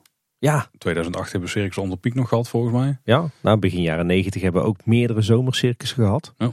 En laten we wel wezen, als we de, de uitwerking van die tent zien op de tekeningen met, met zoveel detail, met nou, toch stemmige kleuren, met niet één groot volume, maar gewoon een heel aantal verschillende eh, punten met andere afmetingen, andere hoogtes. Ja, prachtig gedetailleerd, prachtig gedecoreerd met ook mooie signing rondomheen. Ja, dit, dit, super. En dit plan heeft op alle fronten potentie. Hè. Ik bedoel, eh, je kan je allerlei soorten horecapunten eh, voorstellen hier. Je kan eh, allerlei soorten entertainment acts erbij bedenken. eh, allerlei soorten infills. Allerlei soorten, soorten snacks die speciaal voor dit themagebied eh, bedacht zijn. Ja, Toiletten, Tim. toiletten. Ja, ja, ja, ja, ja. Ja, heerlijk. En nog even naar, terug naar het attractietype. Het is een achtbaan, je gaat er weer in zitten. Dat kennen we inmiddels wel in de Efteling, want dat is, iedere achtbaan is daar eigenlijk die we hebben op dit moment. Maar de manier waarop ze omgaan met die achtbaan, ja, die showcoaster subtitel is best wel sterk. Kijk, uiteindelijk is dit een, lijkt het in de basis een typische Intermin coaster zijn met dat leuke eh, links en rechts bochten smijtwerk wat de Intermin eh, zo goed kan. En lekker lang, want het lijkt wel echt richting de kilometer te gaan als het niet langer is. En dan eh, wel met die, die, die show-elementen ertussen. Met die, ja, die rustpunten. Ik, ik, ik, ik zie dit echt wel zitten hoor. Je zou kunnen zeggen, nou Max en Moritz nog zo'n achtbaan. Maar dit is toch echt wel weer een tandje hoger. Dit zou echt wel de, de nieuwe Joris en de Draak kunnen worden, zeg maar. Voor de, de kinderen die dan of voor het eerst een echte achtbaan mogen doen. Ja, en er zitten gewoon zoveel leuke losse elementen in. En zeker die balanceeract is volgens mij echt een, eh, iets nieuws op wereldschaal. Had jij dit eh, wel zien verschijnen, Tim, in de Efteling? Ik kan niet wachten. ja, ik, ik ben hier ook, ik heb er helemaal niks op tegen. Gewoon Als, als, de geruchten waar zijn dat ze deze plannen gepakt hebben, eh, opgefrommeld en in de prullenbak hebben gedonderd, ja, dan eh, ga ik toch in een hoekje zitten huilen hoor. Ja, dat zou eh, bijna eeuwig zonde zijn. Al, we weten niet wat we weer terugkrijgen. Misschien overtreft dat dit wel weer. Ja, maar ik hoop ergens toch wel dat de basis blijft staan. Nou, nou ja, ja, ja, ik weet niet wat die basis dan zou zijn. Zou dan het attractietype bijvoorbeeld blijven? Ja, Het past allemaal zo goed samen. Hè? Je kunt hier niet één, je kunt niet het thema versleutelen en dat er dan iets uitkomt wat ja, net zo compleet voelt als dit, denk ik. Dit, dit is gewoon een plaatje waarbij alles gewoon lijkt te kloppen. Ja. ja, het attractietype past gewoon heel goed bij het thema, bij het thema past weer op de locatie. Ja. Ja. Nou ja, eh, Tim, Wij zijn enthousiast, dat Ja. is één ding wat zeker is. en voor mij mag het gaan verschijnen en eh, liever eh, snel dan, dan laat. En ik heb toch nog het gevoel dat uh, Lubings misschien toch nog een paar details achteruit. Zouden we nog meer tekeningen gaan krijgen? Nee, ik weet niet. We gaan het vanzelf meemaken. Het is eh, tijd om eh, door te gaan naar het onderhoud, want dat vindt wel daadwerkelijk plaats. Ja, dat kan je wel stellen, want eh, er zijn op maandag 9 januari aardig wat attracties dichtgegaan voor hun, hun jaarlijkse winteronderhoud. Nou ja, jaarlijks winteronderhoud. Nou, in ieder geval de Piranha en de Vliegende Hollander, die zijn allebei dichtgegaan. Ook Ravelijn is gesloten. En daarnaast natuurlijk ook Panorama. We hebben het ja. net al over gehad. En Droomvlucht was natuurlijk al dicht. Dus op dit moment zijn er aardig wat attracties dicht in de Efteling. Ehm, nou, laten we dan even gauw een rondje doen door het park om te kijken wat er allemaal is gebeurd de afgelopen weken. Ehm, in Symbolica waren aardig wat eh, problemen met, eh, met verschillende Pardoes animatronics. Zowel in eh, de voorshow als uiteindelijk de troonzaal. Zo was de, de animatronic in de voorshow enige tijd uitgeschakeld. Nadat zijn hoofd wederom in een rare positie aan zijn lijf hing. En eh, de Pardoes in de troonzaal die leek een beetje beschonken. Maar inmiddels zijn eh, beide Pardoes weer hersteld en eh, werken ze netjes. Dus eh, dat is positief.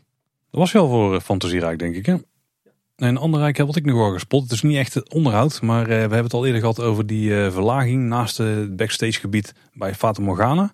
En daar lijkt nu gewoon een fundering geklust te worden. Daar waren ze vandaag, toen ik er langs liep, allerlei bekistingen al aan het timmeren. Of in ieder geval de basis daarvan. Dus er gaat straks een fundering gebeuren. Dat wordt toch wel een serieus gebouwtje. Maar Ja. daar hebben we helemaal geen aanvraag voor gezien. Nee.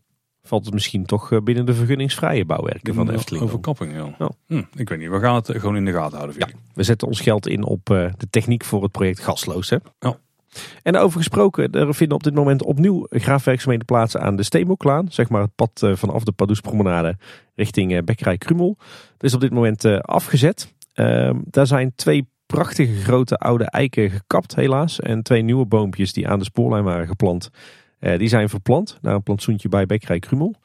Eh, op zichzelf wel zonde, want eh, de hele bomenrij tussen de Steenboklaan en de Aquanura vijver eh, is nu weg. En dat voelt toch wat kaal, want daar had je eerst aan beide zijdes van het pad een mooie rij met eiken staan. Nou ja, die ene rij is nu helemaal weg. We hebben even nagevraagd waarom hier weer wordt gewerkt, maar ook dat blijkt voor het project gasloos te zijn. Dus dat ja, netwerk van warmte-koude opslag in het Anderrijk en het entreegebied. Laten we hopen dat, dat hier ook weer een mooie bomenrij wordt, wordt aangeplant. Dan gaan we door naar het, uh, het Ruigrijk. Daar vindt natuurlijk het uh, winteronderhoud aan de Vliegende Hollander plaats. En wat daarbij opvalt is dat uh, de boten weliswaar uit de baan zijn gehaald, zoals iedere winter.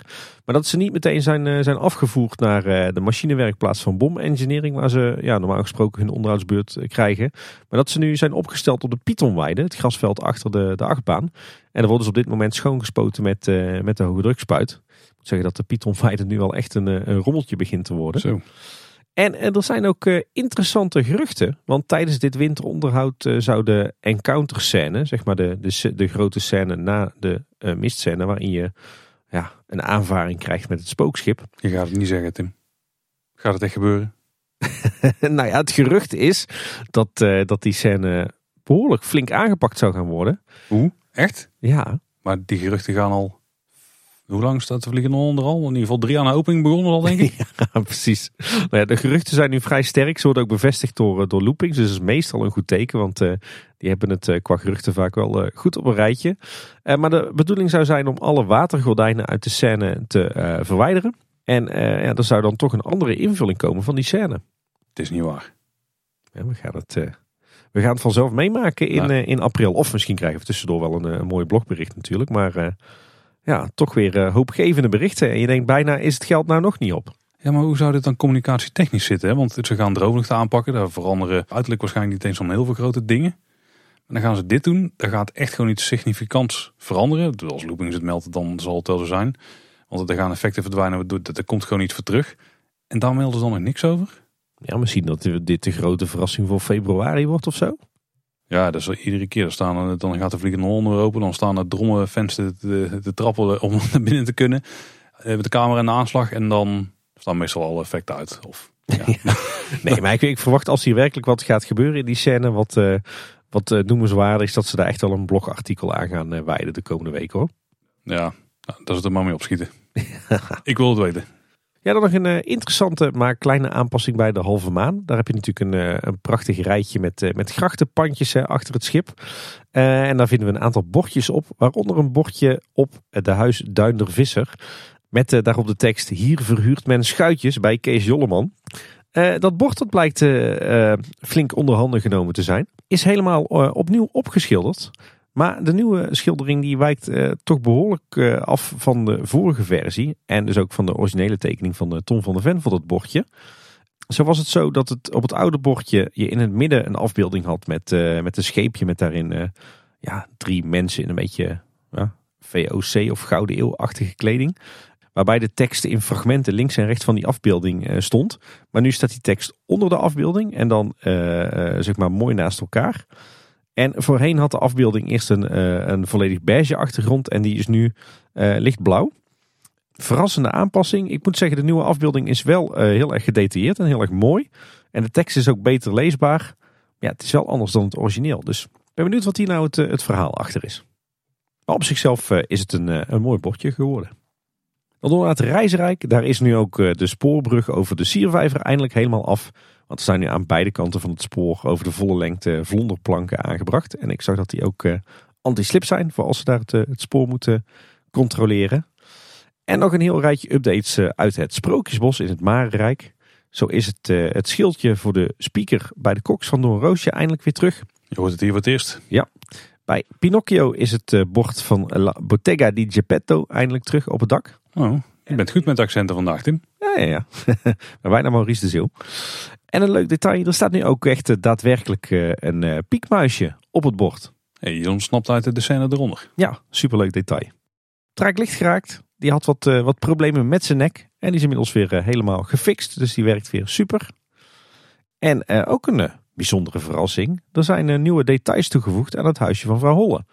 Ja, want bij het buitentafereeltje heb je namelijk vrouw Holle bovenin zitten die daar, daar het laat sneeuwen. Maar daaronder vind je twee deuren. Eentje links, eentje rechts. En bij de rechter dat druipt nou pek onder de deur vandaan. En bij de linker goud. En die stromen met pek en goud die komen voor op de afbeelding van Anton Pieck in de put. En die maken het verhaal helemaal compleet. Ja, en een interessante toevoeging. Wat mij betreft niet, niet per se noodzakelijk, maar op zich wel een aardig detail toch? Beetje op het randje van net wel, net niet te veel. Ik denk dat het net, net te veel is, omdat het storytelling technisch gewoon niet meer klopt. Want het goud en de, de pek worden natuurlijk niet op hetzelfde moment uitgestrooid. Er zitten weken, maanden tussen, ja, als we het ja. verhaal mogen geloven. Ja, want als Rita echt zo'n fanatieke poetser is, dan zouden ze dat laatste strookje goud waar ze mee overgoten is wel hebben opgeruimd tegen de tijd dat uh, Mina de pek overheen gestrooid krijgt. Ja, daar heb je eigenlijk wel weer een punt, ja. Dus eigenlijk hadden ze voor een van de twee gewoon moeten gaan. Of misschien seizoensgebonden het af en toe wisselen. dat zou helemaal goud zijn. Ja, ja, ja, precies. Nou ja, ik, ik moet zeggen, ik, uh, ik vind hem op zich wel leuk. Kan hem wel door de vingers zien. En nog een detail in de tekening van Piek staat het inderdaad. Alleen daar stroomt het het huis in in plaats van het huis uit. Bijna helemaal correct. Het uh, scherp, uh, Paltje. Soms, soms. Uh, overigens lijkt het erop dat uh, bij die klus uh, ook iets fout is gegaan. Alhoewel we weten niet zeker waar het door komt.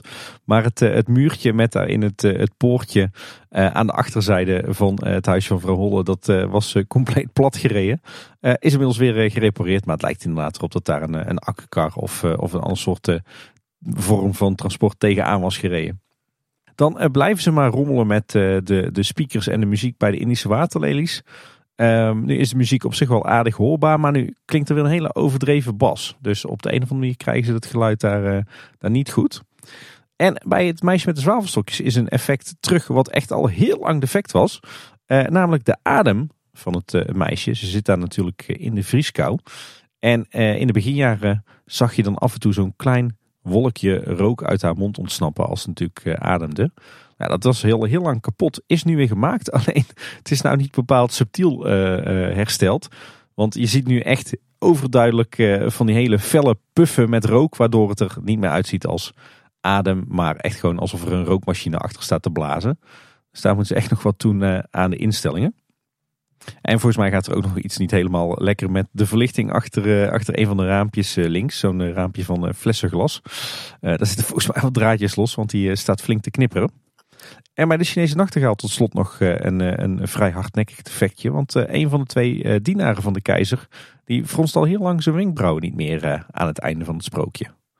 En natuurlijk is het nog steeds zo dat het vliegend houden van de motjes in de lantaarns een terugkerende uitdaging is.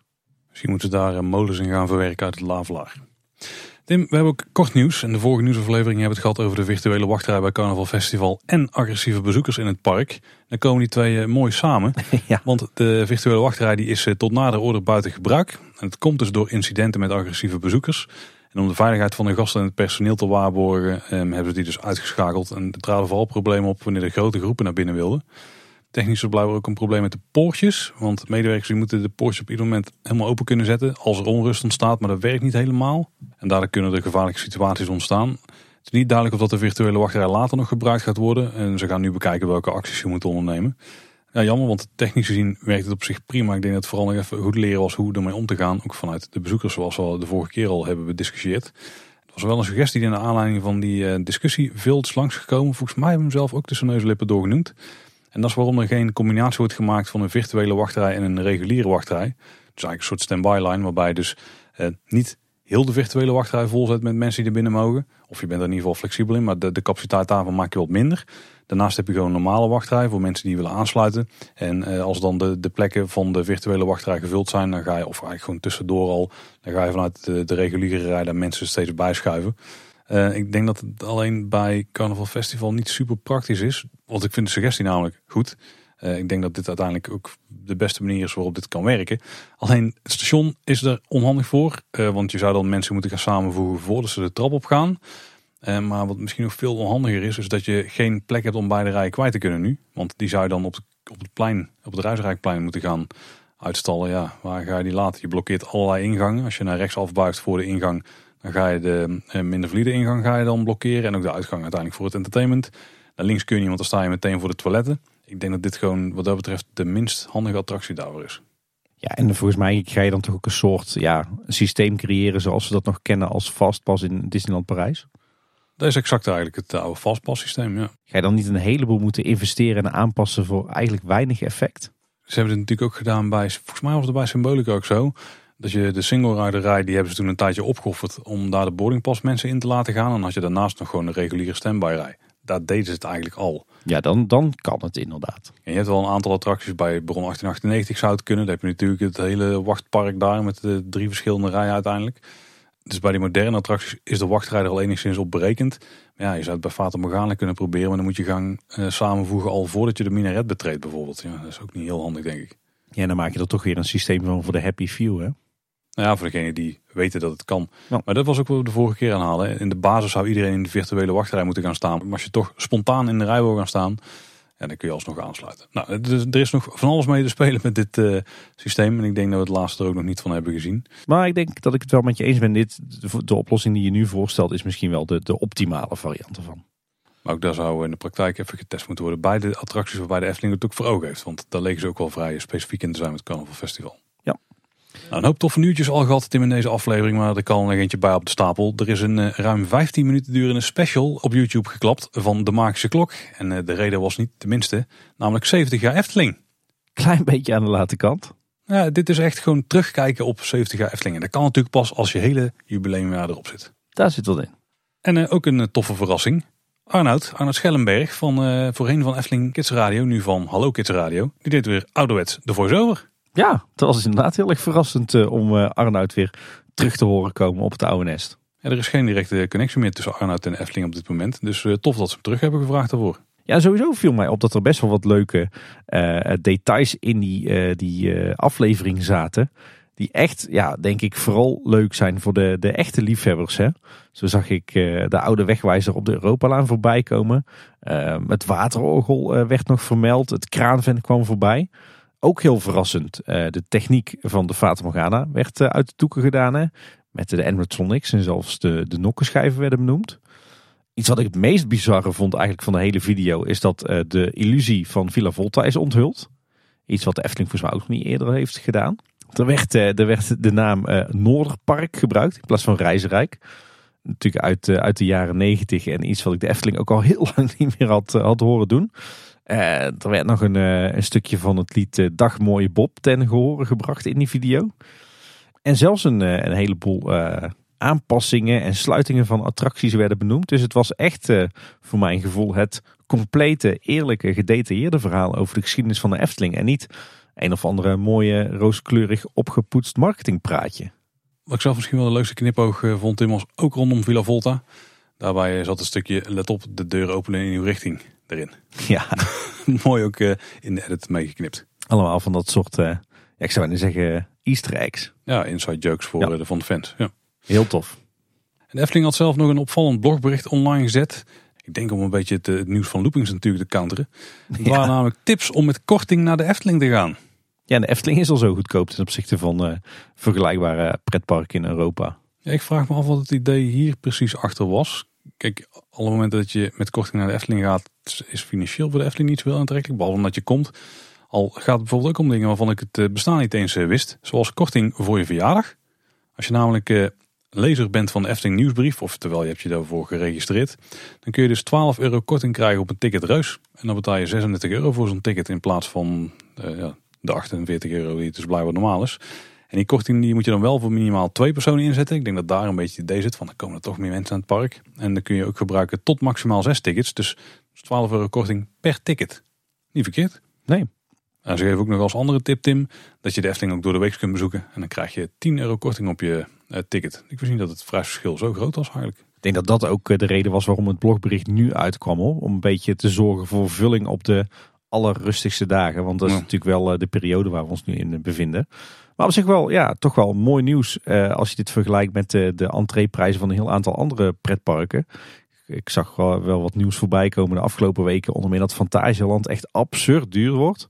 Volgens mij betaal je daar, wat was het, eh, al meer dan 60 euro voor een dagje Fantasieland per Dat zou kunnen. ja. Ik hoorde ook dat de prijzen van, eh van Plopsaland fors omhoog gingen. Nou, de horecaprijzen van Toverland zijn heel erg slikken. Dus ja, de Efteling die is toch eh, is en blijft verrassend betaalbaar eigenlijk ten opzichte van heel wat andere parken. Ja, zeker. Echt wel een, eh, een weg die ze echt heel bewust lijken te kiezen. Ze maken natuurlijk voor een groot deel goed met het volume van de mensen die door het poort heen gaan. Ja, en de bestedingen ter plaatse denk ik. Als we het toch over die bestedingen hebben, er is ook wat horeca nieuws. Ja, en een hele interessante eh, kwam voorbij vandaag. Bij de Smulpaap lijkt een test te gaan worden opgestart met alleen mobiel bestellen. Nou, is, het, is dat een test? Want tijdens de coronaperiode was het ook de enige manier om überhaupt iets te bestellen. Nou ja, maar dan kiezen ze nu voor het eerst om daar eh, opnieuw mee te beginnen. Hm. We zagen in ieder geval wat, eh, wat borden onthuld worden die, eh, die aangaven dat je er alleen mobiel kan bestellen. Is me toen vrij goed bevallen, dus ik ben benieuwd hoe het nu gaat lopen. Ja.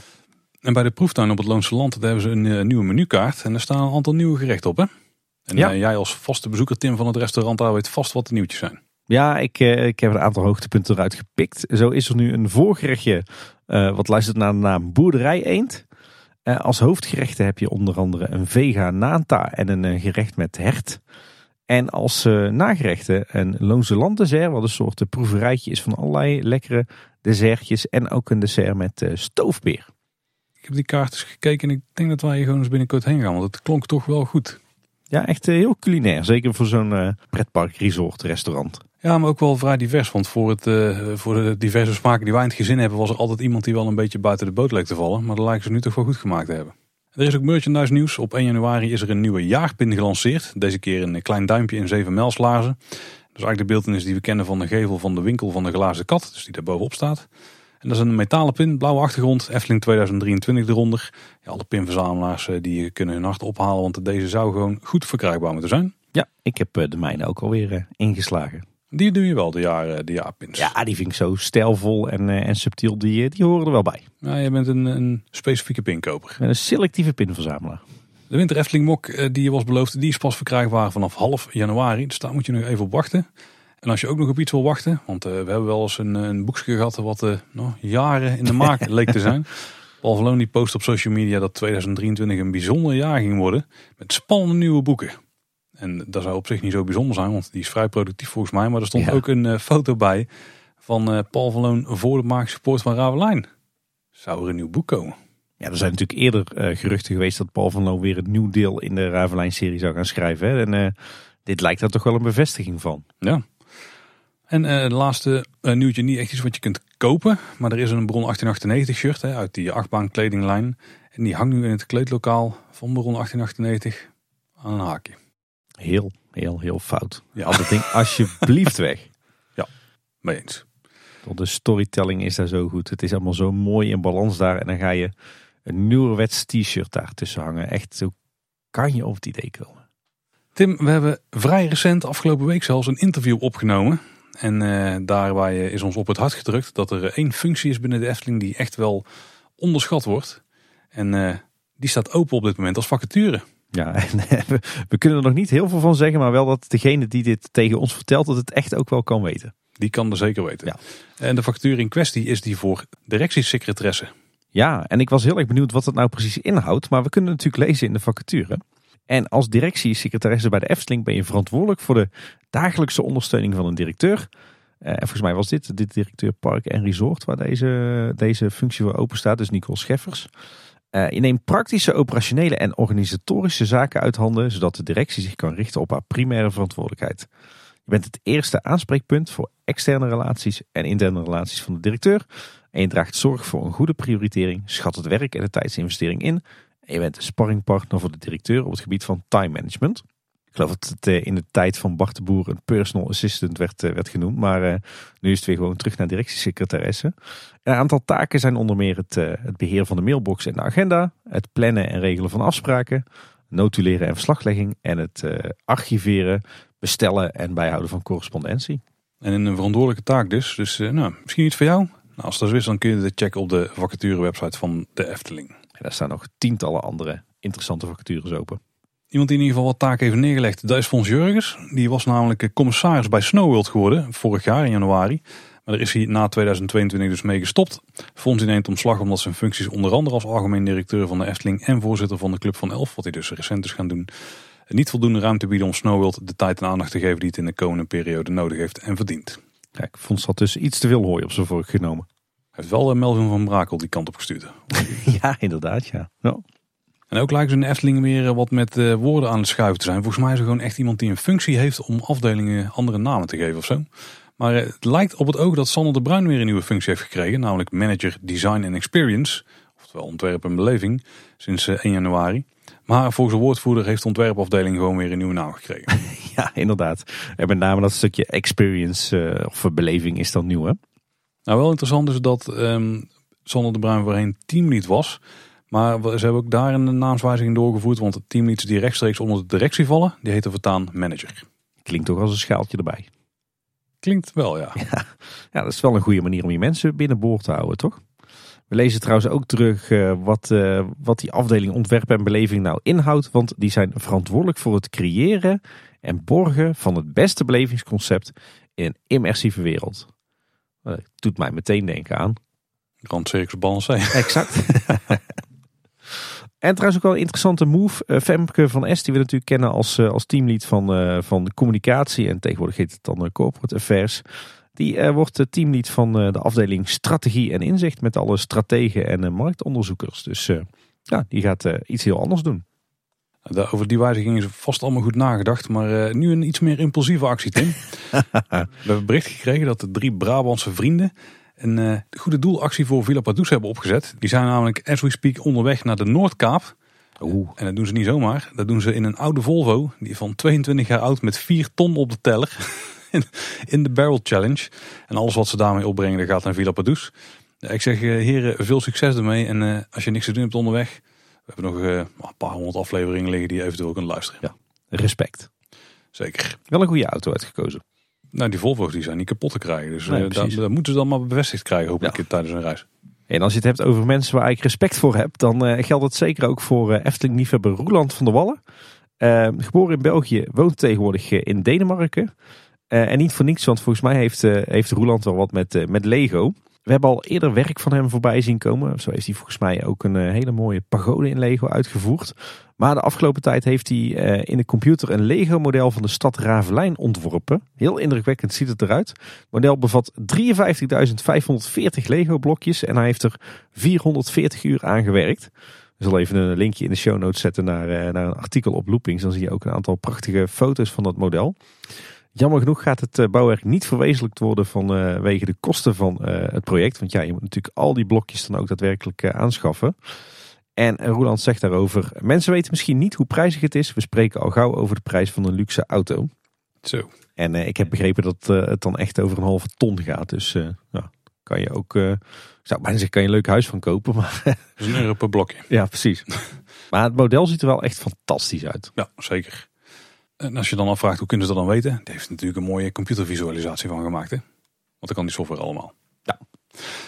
Ook interessant op Twitter is een draadje van Erwin van Ochtend in Pretparkland. Die uh, is namelijk uh, 50 dingen die de Efteling bijzonder maken aan het verzamelen. En iedere dag plaatst hij er eentje. Ja, een heel tof draadje met dan een aantal hele mooie foto's. En met name hele, ja, toch wel hele mooie inzichten erin. Zaken die wij toch vaak als uh, ja, vanzelfsprekend beschouwen. Als het gaat om, om de schoonheid van de Efteling.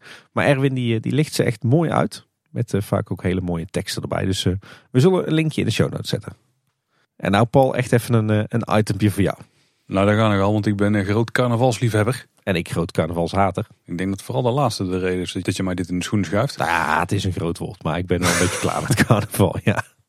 ja maar de feestartiest Johnny Gold die heeft een nieuw carnavalsnummer gemaakt voor het komende seizoen.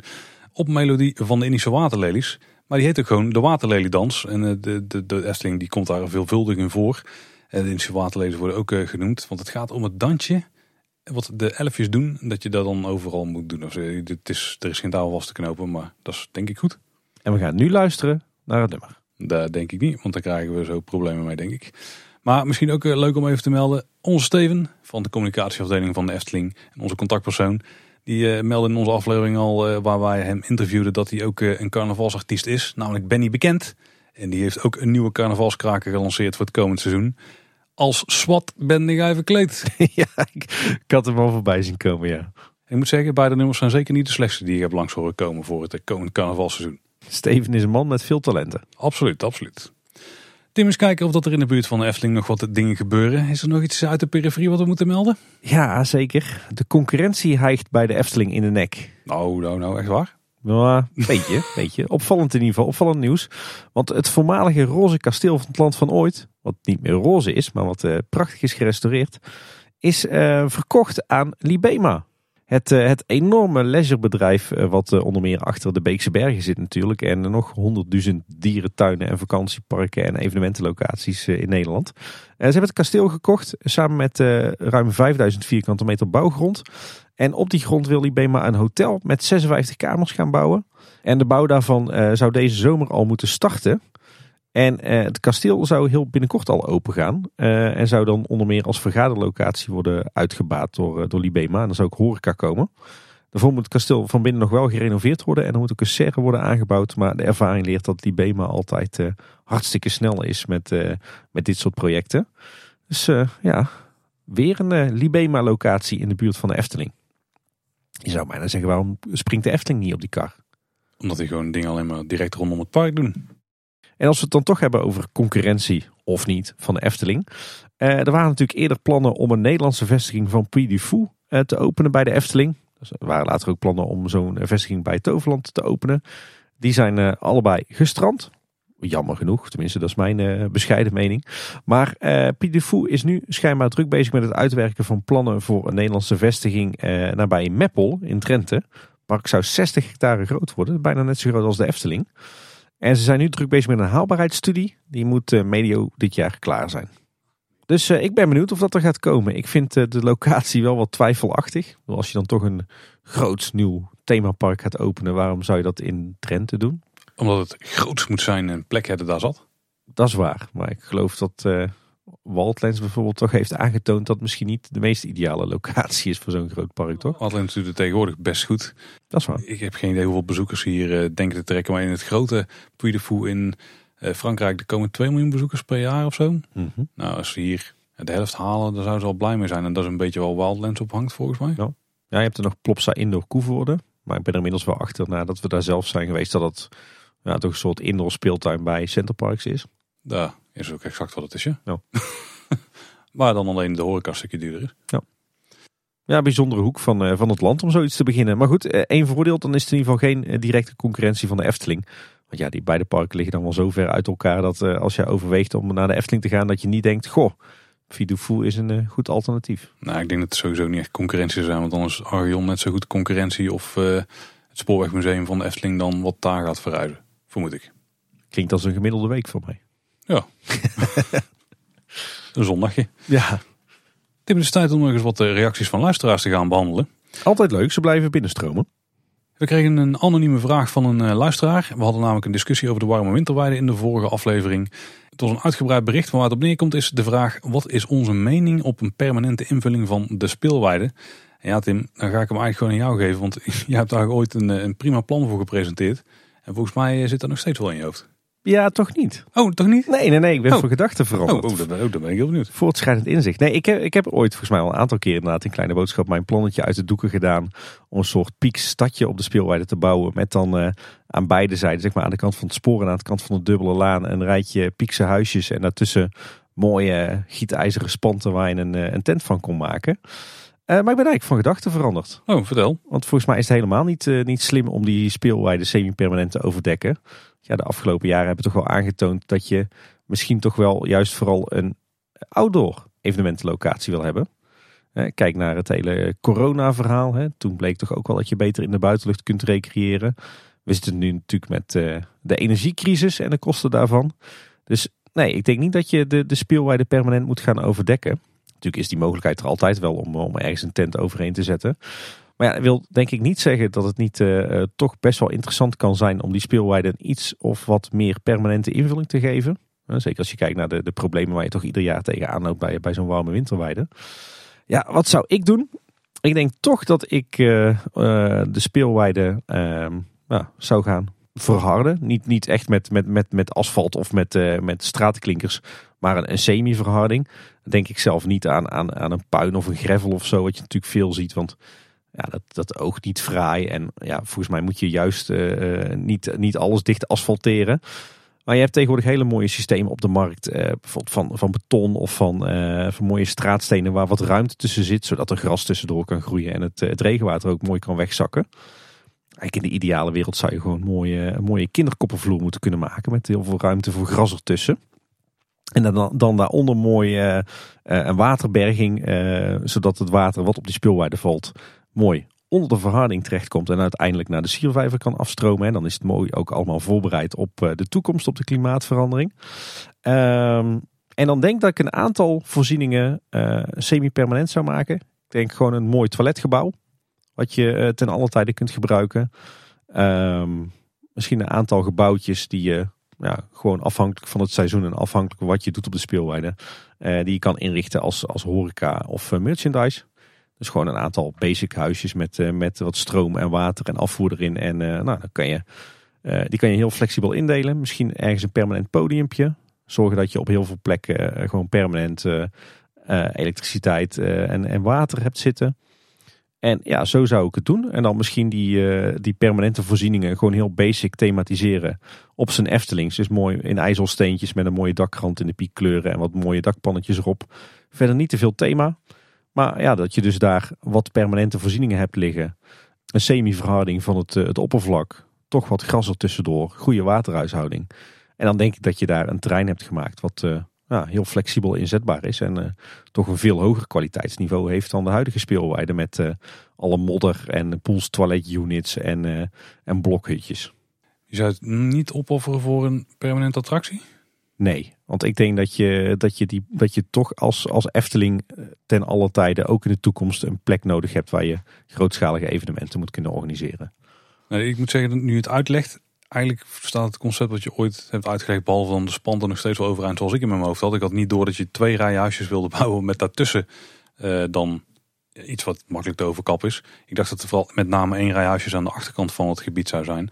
Want daar zie ik op zich ook nog steeds wel weer in. En ik denk dat in grote lijnen eigenlijk wat je aan je hoofd hebt wel overeenkomt met wat ik dan wel als praktisch zie.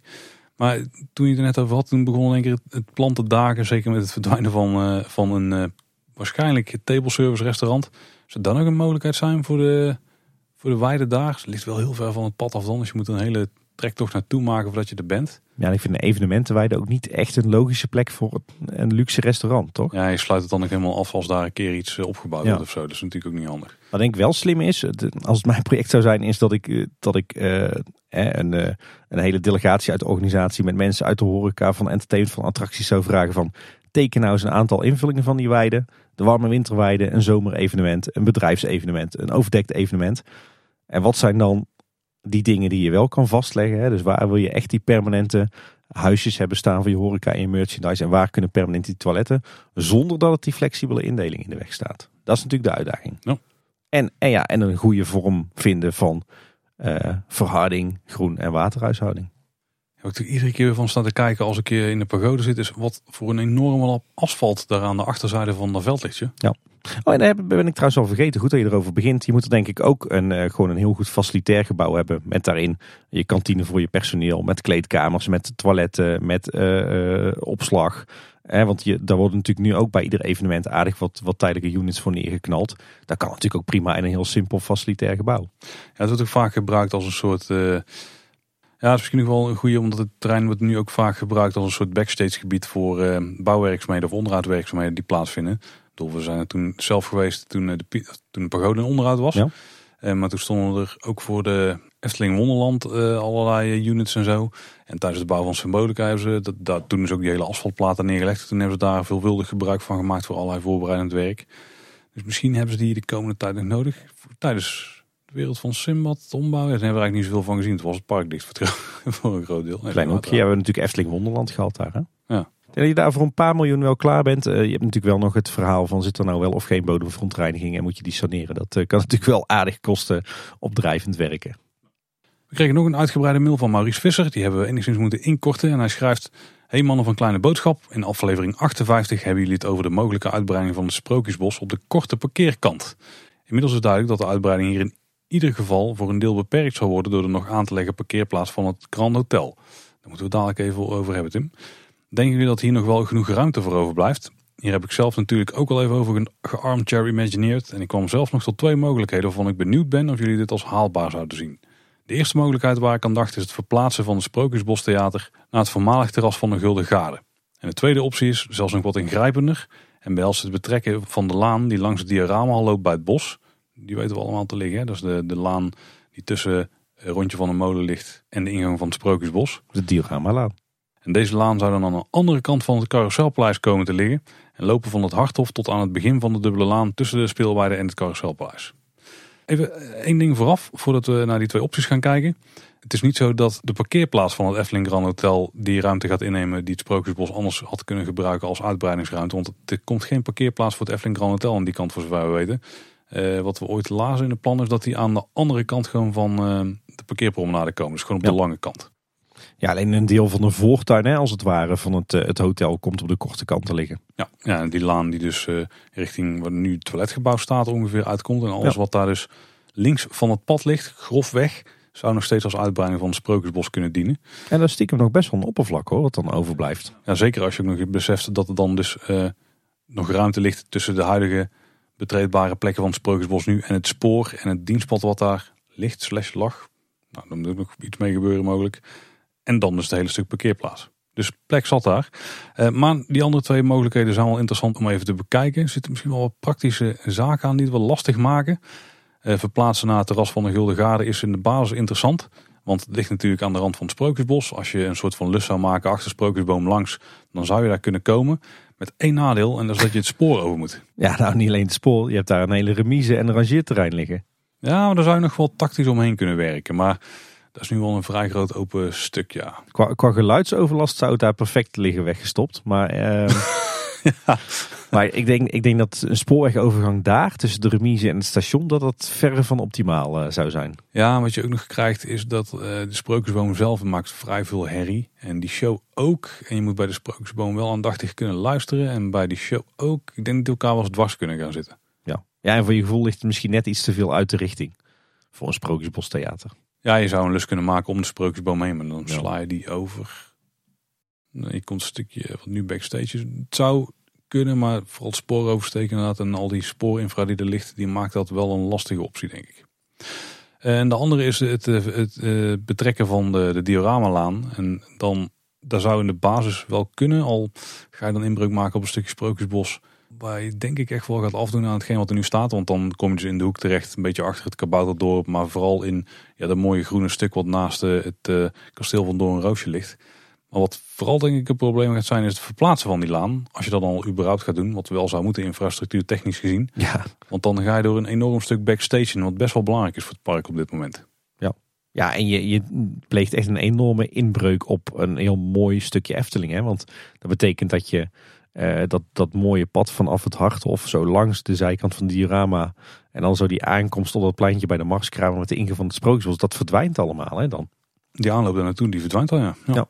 En ik denk dat het vrij lastig is om zo'n, ja, toch voor de bezo- bezoekers belangrijk pad te gaan verleggen naar die ruimte tussen de speelweide en het carouselpaleis. Volgens mij is daar heel weinig ruimte beschikbaar. Er ligt Dat een ook, personeelsrestaurant tussenin. Dus nee, het, het, het lijkt me relatief weinig opleveren en vooral heel veel negatieve impact hebben op een hoop zaken. Dus als je het hebt over uitbreiding van het Sprookjesbos, dan zou ik toch echt opteren voor de korte kant van het hoofdparkeerterrein. En gelukkig is daar zat ruimte. We kregen ook nog een mail van Robert van Zon. En die schreef Goedemorgen Paul en Tim. We weten wanneer hij deze mail heeft getikt. In de eerste aflevering van 2023 lieten jullie vallen dat de Piranha na het seizoen groot onderhoud gaat krijgen. Wat zouden jullie een goede upgrade vinden? En wat vinden jullie van het idee om meer met het verhaal van de inkast te doen binnen de attractie? Denk aan een stukje binnen waar je met een animatronic kan gaan werken. Nou, je hebt het maar al over gehad. Misschien zelfs wel de baan langer en spectaculairder maken. Je zou je voor een stuk kunnen gebruiken tussen de houten voetgangersbrug. Natuurlijk niet vergeten dat het een wildwaterbaan is en dat je natuurlijk vooral zomers lekker nat kan worden. Benieuwd naar jullie reactie, veel succes met de podcast en ga zo door. Met vriendelijke groet, Robert van Zon. Eén punt wil ik alvast even aanhalen. De baan langer maken en spectaculair, dat is een lastig verhaal. Want een spectaculaire uh, wildwaterbaan die heeft hoogteverschil nodig. En als je de baan langer gaat maken, dan ga je het hoogteverschil verkleinen. En dan wordt hij niet echt spectaculair. Er zou hooguit een uh, nog suffer stukje dan bijkomen. Wel mooi dat de baan langer is, maar ik denk dat Piranha van prima lengte is. Dus daar hoeven we op zich niks aan te doen. Maar de rest is zeker interessant om eens even naar te kijken, Tim. Want wat zouden wij een goede upgrade vinden? Ja, voor mij heeft de Piranha helemaal geen upgrade nodig. Ik ben al blij als bij het volgende groot onderhoud alle rotsen worden herbouwd. Als er uh, vaste decorverlichting wordt aangelegd voor de zomeravonden. En als misschien dat, dat lelijke industriële stukje opstaphal bij uh, de loopband naar boven nog wat verder wordt aangekleed. Dus voor mij is de Piranha dan perfect. Nou, dat klinkt als een upgrade. Dus je bent er al. Ja. Dus dat klinkt als je dat zo wil noemen. Nou, ik denk dat, kijk, het Inca-thema, ik weet niet of je dat direct eens mee kunt doen. Je hebt nu die watergoden buiten staan, hè, die, die waterspuurs, of die kwelbeelden zoals ze in de fencing worden genoemd. Wat, wat, wat, misschien nog wel potentie heeft, volgens mij heb ik ook wel eens aangehaald. Maar als je met eh, projection mapping zou gaan werken in die tunnel, daar is nog wel iets te ja. doen. Dat als je daar langs raast, dat die uh, wanden afbrokkelen en dat er water overal uit kunt stromen. En, of komt stromen en dat dat dan ook de aanleiding is waardoor je daar snelheid maakt en zo. Zoiets zouden ze nog kunnen doen. Ik denk dat ze eigenlijk ook verder niet heel veel hoeven te doen. Animatronics wordt ook lastig, want dan krijg je al heel... Tenminste, ik zie dan heel snel van die cheesy uh, beelden voor me. Van, van ja... Ik moet meteen aan Chappas denken. Oh ja, ik kan zo'n Wild West Adventure of zo in uh, Slagharen. Met van die... Ja, heel, heel ouderwetse animatronics die hele rudimentaire scènes doen. Ja, zie ik ook niet per se gebeuren of zo. Nee. Ik, ik, zie wel vooral daar potentie in. Ja, ik zeg projection mapping, maar als je het oppervlak oppervlak doet, is het gewoon projectie. Ja. Precies. dus daar, daar, zie ik nog wel iets in daar. Daar zou het licht plussen, maar zou het ook niet. Ja, daar zou het een beetje uitleggen van wat er gebeurt. Oh, en wat, wat extra bomen aanplanten, want die zijn de laatste jaren een aantal verdwenen iedere keer. Mag wel iets meer hooggroen op. Groen is zeker goed, ja. ja. Nou ja, eigenlijk zou niet zoveel eisen dus. Nee, maar soms is goed ook gewoon goed, hè? Ja, het is een hele toffe attractie die er al heel mooi bij ligt. En die met een paar tasjes nog alleen maar mooi wordt, denk ik. Ja. Het, ja. ja. Nou Tim, dan zijn we aangekomen bij En dan nog dit. Ja, inderdaad. En ik denk dat we dan uh, een uh, gezamenlijke grote tip kunnen geven. Want, oh, oh, oh, Paul, wacht, wacht, wacht. Oh. Paul, kan jij met jouw zoetgevoisde stem even het zinnetje uitspreken? Start spreading the news. Ja, maar dan moet ik het met de juiste intonatie doen. En daar gaat het gauw fout, maar start spreading the news. Kijk, zitten ja? we meteen in de okay. stemming. ja, jij doelt er denk ik op een aflevering van onze beide een van, nou, een van de favoriete podcasts. Namelijk de grote podcastlas die hun New York aflevering heeft uitgebracht. En ja. dat is echt een hele toffe aflevering. Wow. Die waarschijnlijk ook nog vier keer langer had kunnen duren dan dat hij nu al doet bij hun. Uh, maar voor hun is hij al van uitzonderlijke lengte een uur en drie kwartier of zo. Ja, ja, ja. Dus een beetje kleine boodschapniveau. Ja, en, en wat we hun altijd heel tof doen is allerlei bizarre feitjes opdreunen. Uh, en uh, oplabelen en presenteren. En nou, die aflevering zit er ook weer vol mee. Ja, het mag denk ik geen geheim zijn dat uh, naast onze gedeelde passie voor de Efteling... dat we ook allebei een gedeelde passie voor reizen hebben, Paul.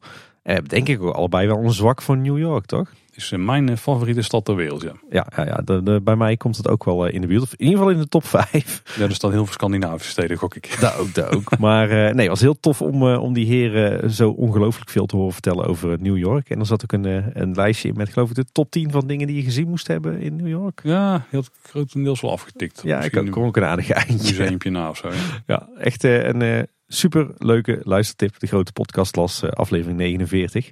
En als je ons trouwens uh, wil horen kwijlen op New York, dan uh, zou je ook eens aflevering 7 van onze podcast De Buitenwereld kunnen luisteren. Want daarin hebben we het over onze meest memorabele reizen. En dan komt New York natuurlijk ook voorbij. Ja, het zal niet New York zijn geweest, Tim, maar ik vermoed dat jullie de afgelopen weken weer van alles hebben uitgevreten. Ja, nou ja, valt eigenlijk wel mee. Vooral, veel, mee. vooral veel winter Efteling. En ik geloof dat ik in een paar weken tijd vier keer bij Ikea ben geweest. Dus... Ja, niet altijd met de beste reden. Nee, precies. Toch ook weer een vleugje Zweden gehad. Laten we het daar maar op houden. En een week aan kaneelbroodjes hoor ik. Ja, zeker. Zeker. Natuurlijk. dat moet je altijd even meenemen als je daar bent geweest. Ja, nee, verder qua, qua winterse uitjes. We hebben natuurlijk de afgelopen week al heel veel afgetikt. Ik uh, denk nog één, één nieuwe die we, waar we nog niet waren geweest uh, deze winter. Safari Park Beekse Bergen was ik lang niet geweest. Hebben wij natuurlijk een aantal jaar een abonnement gehad. Was echt wel een, uh, ook een thuispark van ons. Maar ja, misschien een kleine overkill aangehad. Uh, en nu al, uh, ja, denk zeker een jaar niet meer geweest. in de kerstvakantie nog even lekker met de meiden een dagje safari park gedaan. Voelde echt weer als thuiskomen. Wat ze daar heel tof hadden gedaan qua winter, is dat ze heel veel winterdecoraties echt in thema hadden. In tegenstelling tot bijvoorbeeld een, een Toverland waar het allemaal toch vrij generiek was, hadden zij er echt voor gekozen voor echt specifieke Beekse Bergen winterdecoratie.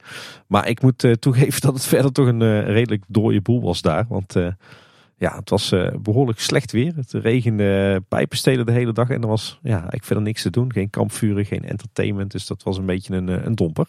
Kampvuren waren er misschien wel, maar die waren al lang uitgereden. ja, precies. Maar een hele leuke dag gehad gewoon met eh, de Beekse Bergen zelf. Want ja, waar ik daar wel diep van onder de indruk ben, is hoe zij blijven investeren en onderhoud plegen. En ze zijn nu druk bezig met nieuwe hotels te bouwen op het Safari Resort. Dat worden ja, een soort appartementgebouwen met allemaal eigen savannes. Uh, het, het Lake Resort, het oude vakantiepark, heeft net een, nieuw hoofdgebouw gekregen. Ik zag dat ze de entree van Speelland helemaal aan het vernieuwen zijn. Um, op het Safari Park zelf is er een nieuw stuk wandelsafari gemaakt. Uh, ze hebben de oude safari volledig opnieuw geasfalteerd. Dus ze zijn ook uh, stevig aan de weg aan het timmeren hoor in het Safari Park. Nou, klinkt goed ja. Dus ja, ondanks de regen echt een topdag gehad met de meiden. En tot slot nog een leuke kijktip. Er is weer een nieuwe serie op de publieke omroep. de Stamhouder. Nederlandse historische dramaserie. Gaat over uh, een uh, journalist, schrijver die uh, in de decennia na de Tweede Wereldoorlog eigenlijk langzaam maar zeker achter het, het foute oorlogsverleden van zijn vader komt. spannend verhaal. En vooral sferisch echt een ongelooflijk toffe serie. Want met, ja, je kent dat wel van die Nederlandse series, want met decor en muziek en kleding en, uh, en allerhande details breng je ze helemaal in de sfeer van die tijd in de jaren 50, 60, 70. Dus ja, Mooi gemaakt, tof om te kijken. De stamhouder. Je kan hem uh, online terugkijken en uh, ook gewoon uh, op lineaire televisie, zoals het dan zo mooi heet. Dan zijn we toch weer bij het einde van de aflevering aangekomen. We hebben het weer gered. Nou, we hadden heel erg veel moeite om de tijd vol te krijgen, Tim. ja, zoals altijd. De tijd die er niet voor staat. Wil je nou iets aan ons kwijt of heb je misschien ook een vraag voor ons? Dan kun je die op verschillende manieren bij ons krijgen. Social media is vrij makkelijk uiteraard. En als je naar kleineboodschap.com slash volgen gaat, dan vind je alle kanalen waar wij te vinden zijn. Ben je dan toch al op de site, dan kun je ook naar het contactformuliertje. Of je stuurt gewoon ouderwets een mailtje naar info.kleineboodschappen.com. Je luistert Kleine Boodschappen natuurlijk in je favoriete podcast app. Eh, of op Spotify. luister je ons daar nou, zorg dan dat je je zeker abonneert op de podcast. Maar daarnaast kan je dus ook luisteren op uh, kleineboodschap.com, onze website. En daar vind je bij de aflevering natuurlijk ook alle relevante linkjes, oftewel de show notes waar we het al de hele aflevering over hebben. En in sommige podcast apps kun je ook een eh, review achterlaten of een rating. Doe dat ook zeker. Helpt andere mensen sneller om de podcast te vinden. Maar wat nog beter werkt is als je mond-tot-mond reclame maakt voor de podcast. Want dat is toch wel de sterkste manier van marketing voor ons. Zo bereiken we de meeste potentiële luisteraars van Kleine Boodschap. Ja. Dat was in ieder geval weer voor deze week. Bedankt voor het luisteren. Tot de volgende keer. En houdoe. Houdoe.